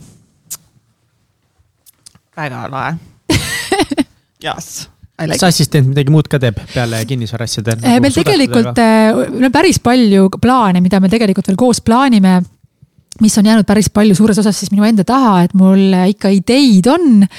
aga lihtsalt see aja taha jäävad paljud asjad, et eks ma ise olen oma elu kiireks elanud. ja pean natukene siis äh, tugevamalt äh, prioritiseerima ja panema asju siis nagu siis järjekorda, et mis on päriselt minu elus oluline. mis on see minu päris õige visioon ja sealt siis kattima asjad ära, mis võib-olla ei ole nii olulised. aga mul on tõesti ka see uus, selline uus hingamine läbi sellele podcast'ile ja. ja ole, olles nagu rohkem esil, suheldes rohkem erinevate inimestega üldse juhuslikud inimesed võib-olla, kes mulle on kirjutanud ja kellega ma lasknud mingisugusesse vestlusesse. et see kõik on toonud nii palju uusi ideid. nagu ka teie ju näete, et kõik inimesed, ta ei puuduta ju meeletult palju erinevate inimestega kokku. et iga vestlus, et kui sa nopid kasvõi mingi ühe asja.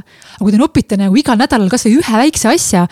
siis lõpuks, lõpuks saab päris palju asju kõiki asju ei jõua ära teha mm. -hmm. aga et just, et eraldada siis need terad eh, sõkaldest ja, ja siis lõpuks leida neid uusi asju, millega tegeleda, et ma kindlasti soovin eh, tulevikus kaasata siis äh, rohkem inimesi oma erinevatesse tegemistesse ja tegemisi on mul tõesti siis erinevates valdkondades, aga nüüd on lihtsalt tähtis ära otsustada, milles olla hea sellepärast, et nagu ma mäletan ühest vanast pesupulbri reklaamist, et kui üks asi kõlbab kõigeks, siis ei kõlba ta mitte millekski aga mis need on need erinevad valdkonnad siis praegu, mis sul, mis sul nagu laual on?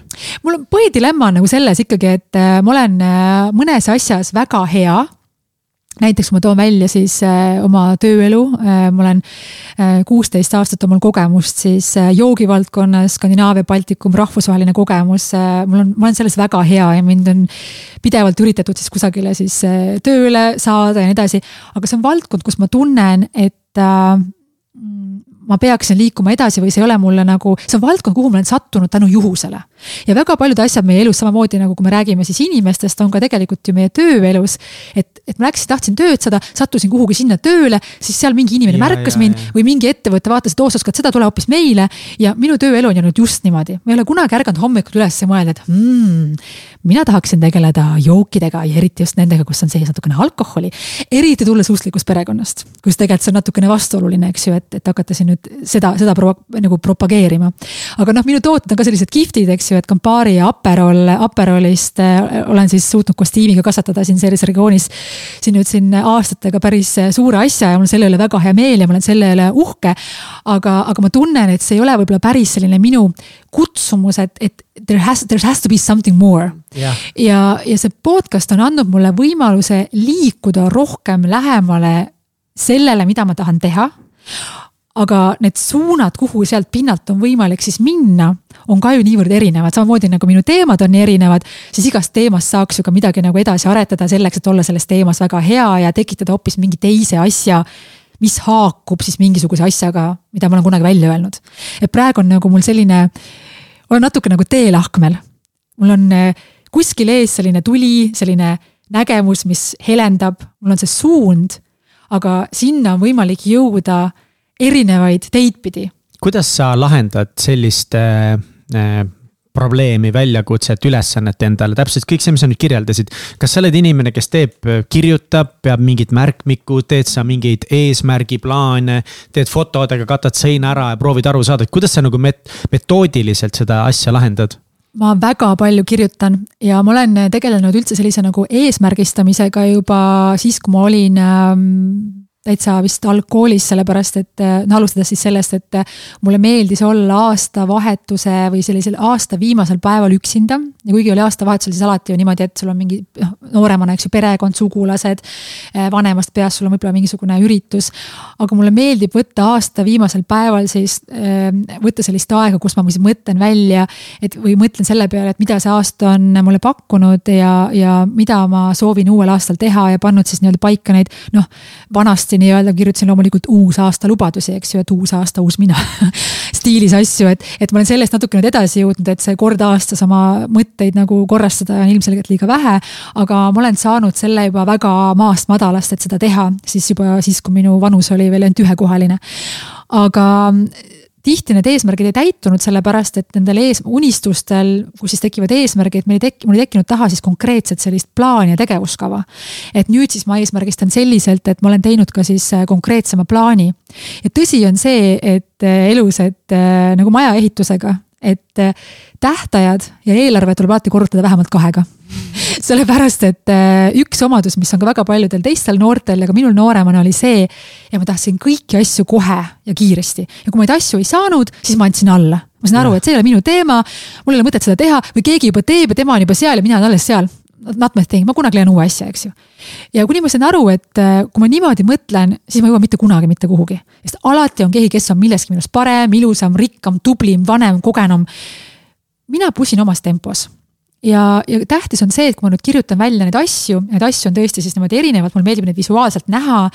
siis hakata võib-olla vaatama selle järgi, et mis panevad südant äh, kõige kiiremini põksuma. ja ideaalis võib-olla leida selline asi mis, äh, kus kattuks siis mõlemad asjad, see äh, kirg süda, kogu see, mida ma päriselt tahan teha ja ideaalis on ta veel selline asi, mis äh, raha viimise asemel võib-olla pisut sulle raha ikkagi juurde tekitab. ehk siis, kas me räägime äriideest või mõnest missioonist, mis vähemalt ei tee sind vaeseks et, et ma, et ma üritan ka selle pilguga natukene vaadata, et ma tegin ühe osa Blondcastis, kuidas leida äriideed. seal ma natukene räägin sellest mõtteviisist, et et, et, et ma üritan praegu neid asju kuidagi omavahel siis kokku panna, aga enne kui ma neid asju kokku panna, panen, ma üritan need asjad siis nagu äh, nii-öelda brainstorm ida või lagu, laduda niimoodi kõik nagu laiali, et enne kui ma hakkan juba eos ära cut ima, ma panen need kõik asjad kirja endale. ja küll ta sealt vaikselt tuleb ja ma usun ka seda, et kui teha midagi südame, südamega ja teha midagi nagu väga hästi, siis lõpuks võib-olla sind ka märgatakse mingis valdkonnas või, või näiteks on nii, et, et mingile inimesele tundub, et sa saad millegagi hästi hakkama.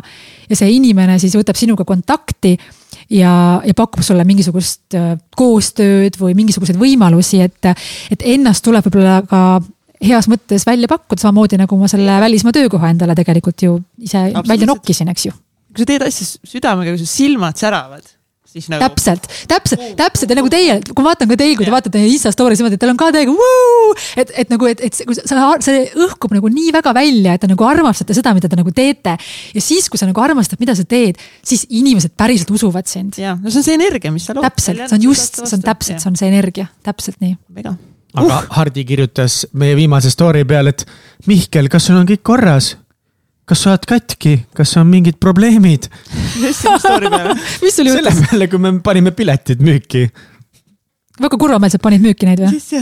noh, meie piletite müügi see story, vaata video, mis me tegime ja nüüd saab äh, Transformatsiooni festivali piletid osta. nii, see pikk video või? jah, Hardi vaatas Mihkel, on sul kõik korras või Hardi Põder? aa, Hardi Põder! ja ta oli mingi, et Mihkel, et noh, et mis siis nagu on sinuga lahti, et. kas sa olid nii kurb seal kuidagi selles rõõmsas videos? mina ei tea, enda meelest ma olin okei okay,, aga samal päeval ma käisin coach, ei järgmisel päeval ma läksin mm -hmm. coach'i juurde ja kohe nagu jõudsin sinna kohale ja me olime mingi paar minti rääkinud, Mihkel, et sul on kõik okei okay või? Tahad sa midagi rääkida, oled väga liimist lahti praegu kuidagi. no ma olin mingi, millest te räägite? Mihkel, aga tead, see on, see on nii hea, sa praegu ütlesid sellepärast, et vaata, teie olete ka ju väga sellised rõõmsad inimesed ja see loob nagu mingisugused eeldused, et inimesed ootavad sinust kogu aeg, et sa oleksid selline. et ma saan aru, et selles videos jah, et kogu ja. aeg, et vau, vau, aga tead, me ei ole vahel kogu aeg niimoodi. või nad tegelikult näevad, et mul ongi midagi halvasti. täpselt sest tegelikult, sest üks asi see, et me võime alati teha niimoodi ma praegu viibutan käsi muidugi siin mikrofoni taga, aga, aga kõik see, see energia, see tuleb tegelikult, see paistab meist nagu välja.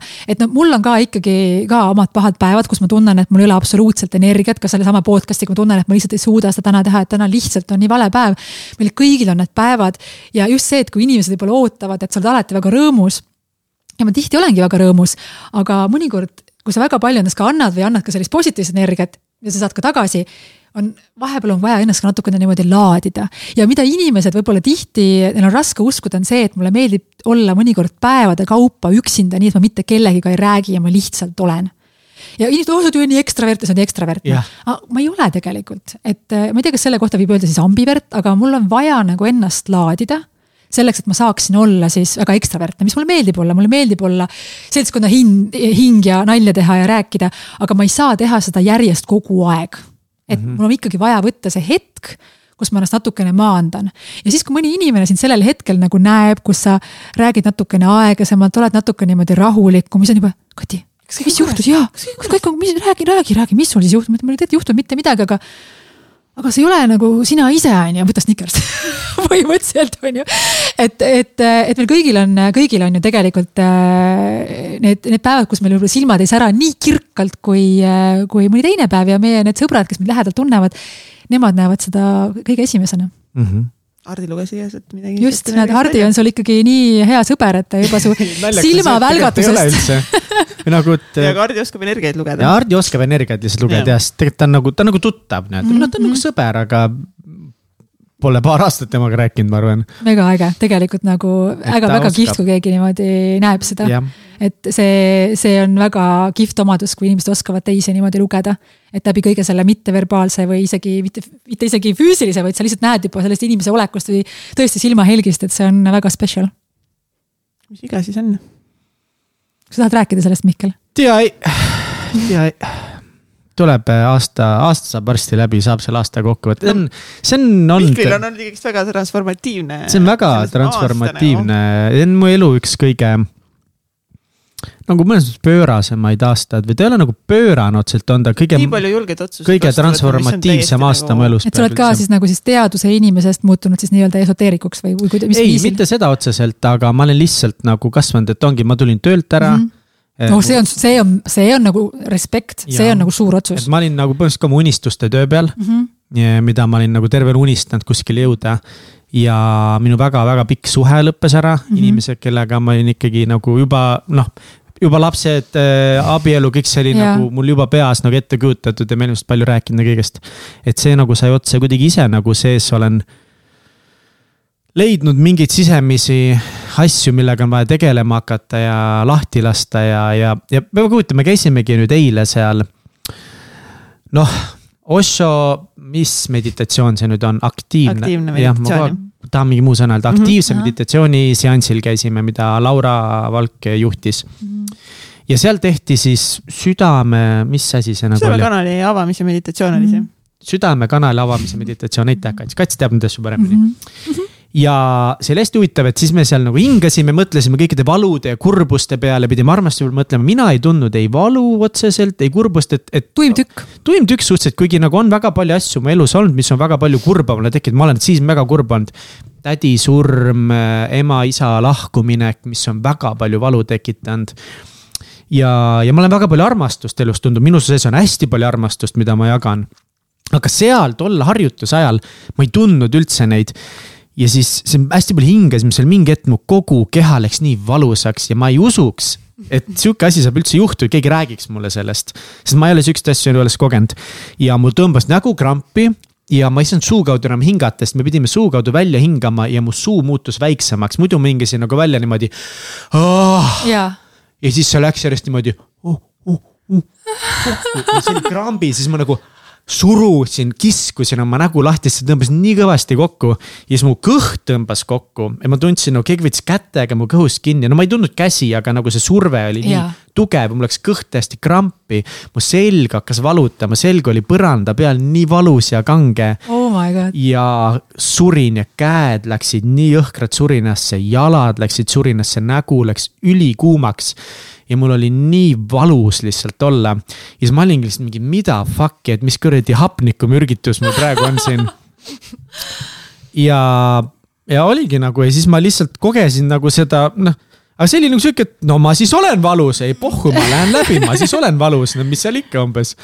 ja pärast nagu rääkisin, siis keegi seal ütles, no et, et võib-olla ongi lihtsalt mingid asjad lukus või ma ei tea, mida, mida see kõik tähendab, aga aga see aasta Mega, ma olen kogenud ühesõnaga väga palju veidraid asju. suur asju. selline äh, vana etapi lõpetamine, uue alguse selline suur kasvamine siis et see on väga huvitav tegelikult, kui sa praegu räägid, et sa tulid töölt ära ja lõpetasid pikaajalise suhte, et ma olen elus vaadanud, et mul käivad ka asjad kuidagi kõik asjad, kui midagi nagu when it rains it pours. nagu selles mõttes, et nagu hästi tihti juhtuvad asjad meie elus nagu kõik korraga, et see elu muutus on nagu seda suurem. et noh, tõesti, et sama, kui ma selle korteri kunagi maha müüsin ja ma läksin samal ajal mehest lahku, tulin samal ajal töölt ära. aga mul oli noh, siis oligi kahe kuu pärast uus mees, uus korter ja uus töö, eks ju. et, et noh, kuidagi tõmbasin ennast lukku, et ma ei võtnud Aha. seda aega iseendale. et, et, et saada võib-olla aru, et, et mis ma nagu olen, sellepärast et, et laadida ennast võib-olla tühjaks ja, ja leida siis oma tee, et siis ma kuidagi lasin järgmisel lainel ennast nagu kohe nagu kaasa võtta. aga noh, jällegi, et see, et see see on lahe tegelikult mulle ise ise vaatan nii, et nagu, et uued, uued algused ikkagi rokivad. et loomulikult on need vanadest pikkadest etappidest kuidagi loobuda selline, selline magus valus, noh, et tegelikult on ikkagi valus, noh, tegelikult just ka suhted, kus me mõtleme, et me oleme väga pikalt kellegagi koos olnud ja ja see tundub kuidagi nagu nii äh, võimatu, kui me oleme suhtes ja me oleme heas suhtes mõelda, et appikene, ma ei kujuta ette, kui ma sellest inimesest kunagi lahus oleks, on täiesti võimatu. ja siis ühel päeval sa oled uues suhtes ja mõtled, et, et noh, sa ei tunnegi nagu seda valu, sa pigem vaatad, et see oli väga hea kogemus ja saadad sellele inimesele nagu head energiat ja, ja soovid head elu, eks ju. et, et see on huvitav, kuidas need meie elud lähevad ja kuidas ka mingisugused asjad, mis tunduvad meie elus nagu nii nagu crucial või, või nii sellised elu ja surma küsimused, kuidas me tagasi vaadates saame aru, et, et noh ka see tegelikult möödub. ja see on üks asi, mis võib-olla, millega on vanus aidanud ka võib-olla, et, et ma, et asju võib-olla mitte võtta ka nii tõsiselt selles mõttes, et, et ükski olukord tegelikult ei ole päriselt nagu katastroof või. loomulikult on asju, mis on hullemad kui teised, eelkõige tervisega, meie lähedastega, mis meie lähedastega toimub, mida me ei saa kontrollida, võib-olla rasked haigused. aga on väga palju, mida me saame nagu iseenda jaoks ära teha ja, ja siis ükskõik, mis olukord on, just jälle mõelda, et tegelikult see hull olukord, et see möödub. ja et etappide lõpu, lõpetamised kuidagi minu meelest eriti nagu näitlikustavad seda, et, et kus mingid nii suured asjad, nagu sa ütlesid, sinu see töö ja see unistuste töö ja tulevane karjäär ja võib-olla tulevane abielu ja perekond, et kui nad on nii paigas. ja siis ühtäkki sa alustad nagu täiesti teisest kohast, sa alustad täiesti uut elu. ja sa tegelikult päris täpselt võib-olla ei teagi, kuhu see välja viib, sellepärast et see elu, mis sa olid enda jaoks välja mõelnud, see tegelikult ei läinud nii ja mingis mõttes on see kuidagi nii äge, et elu on selline, et meid viskab niimoodi, et me saame tegelikult õppida ja areneda ja leida täiesti uusi asju, mille peale me vaatasime kaks aastat tagasi nagu niimoodi, et uh, uh, ma liigutan praegu nüüd äh, oma nimetissõrme oma kõrva kohal või siin meelekoha kohal. Et, äh, et see on tegelikult mega äge, see on mega äge. see on mega äge. Ja tead, mulle nii meeldib vaadata, et koos ka seda teie nagu sünergiat, et kuidas te nagu, kuidas sa Mihkel ütlesid, et aitäh, Kats, ja kuidas tal on nagu, et, et see on umbes nagu, et Kats, you complete me nagu you complete each other. kats täiega completes me. ja, et ta on nagu, teate, ta on kihvt nagu sünergia ja et yes,, et just ka see, et, et ükskõik, mis nagu elus muutub, aga see, et leida enda kõrvale inimesed kellega mingites asjades koos areneda ja koos edasi minna ja kellega on võib-olla sarnasemad väärtused, isegi kui võib-olla iseloomud natukene erinevad. et, et see on nagu, see on nagu äge, see on lihtsalt nagu nii äge ja võimas vaadata kõrvalt ka. mega. Suht crazy on mõelda ja nagu see meie sõprus, et me saime nagu niimoodi sõpradeks ja, ja me hakkasime asju koos tegema, et. kui kaua te nagu... tunnete üksteist juba? üksteist aastat vist. rohkem vist. võib-olla isegi rohkem jah see on ikka pikem kui suhe, kui nii mõnigi paarisuhe. Mihkel, Mihkel, Mihkel, kindlalt rohkem. ega väga palju, gümnaasiumis oligi see. ma olin gümnaasiumis siis. ja ma olen Tallinnas elanud üksteist aastat, no mingi kaksteist, kolmteist. no kolmteist aastat. no kaksteist, kolmteist aastat jah. See on päris pikk aeg. see, issand, kolmkümmend kolm. sa ei räägi üldse mikrisse praegu no näete, põhimõtteliselt on nii, et naised tulevad 19. ja mehed lähevad, aga teie ikkagi üksteise jaoks olete ikkagi see, kes jääb tundub. tundub. kui te midagi pekki ei keera ärme seda pekki keera. ei keera muidugi. keerame muid asju pekki veel. väga nummi. uh, kuulge, sõbrad, on aeg. on aeg. see purki panna. oih, mingi, mingi kaua me rääkinud oleme, mingi kolm tundi või? Kaks pool. Vau. see on tõesti päris pikk aeg täiega aitäh sulle lihtsalt, et ähm, nii äge, see sinu energia, mis siia ruumi tuli ja lihtsalt täitis täna täiesti selle ruumi selle armastuse ja elukogemuse ja päikesega, see on nii, nii vinge. mul Magic. nii nautisin lihtsalt täna sinu kuulamist. mul tuli praegu külmavärinad peale, kui sa ütlesid seda nagu et äh, aitäh, tõesti, mul tulid praegu täiesti külmavärinad, sellepärast et äh, see on nii äge asi, mida te teete ja ma olen kuulanud teie podcast'i ja need inimesed, kelle te, kellest te suudate välja tuua siis nii mõnusaid kihvte aspekte, läbi, läbi nende saab siis korjata neid äh, tarkuseterasid ja võtta neid õppetunde siis, mis võivad olla kellelegi vajalikud või inspireerida. et äh, see on nii vägev asi, et te seda teete ja mul on päriselt lihtsalt nagu nii suur au nagu, et ma saan siin täna olla ja olen lihtsalt mega-mega õnnelik ja ma loodan, et me saame kunagi veel mingeid asju koos teha. Teiega? kindlalt, kindlalt, ega see siin ei lõpe. assistent ei ole veel juurde vaja või? Mihkel kandideerib. tark ei torma assistendiks, okei okay., davai. sihime ikkagi mõnda kõrgemat positsiooni. ei, ma oleks assistent hea meelega sulle võid mulle mingi spetsuniformi ka otsida ja. väga hea, hakkab looma, see on juba järgmine teema mõtlen sulle midagi välja. aga igatahes ma loodan, et, et me saame kunagi teistmoodi koos teha, sest et äh, mulle ka meeldib nii väga vaadata inimesi, kes on rõõmsad ja ägedad ja täis kirge ja armastavad seda, mida nad teevad ja, ja teiega rääkida oli lihtsalt äh, meeletult kihvt. aitäh. aitäh. aitäh teile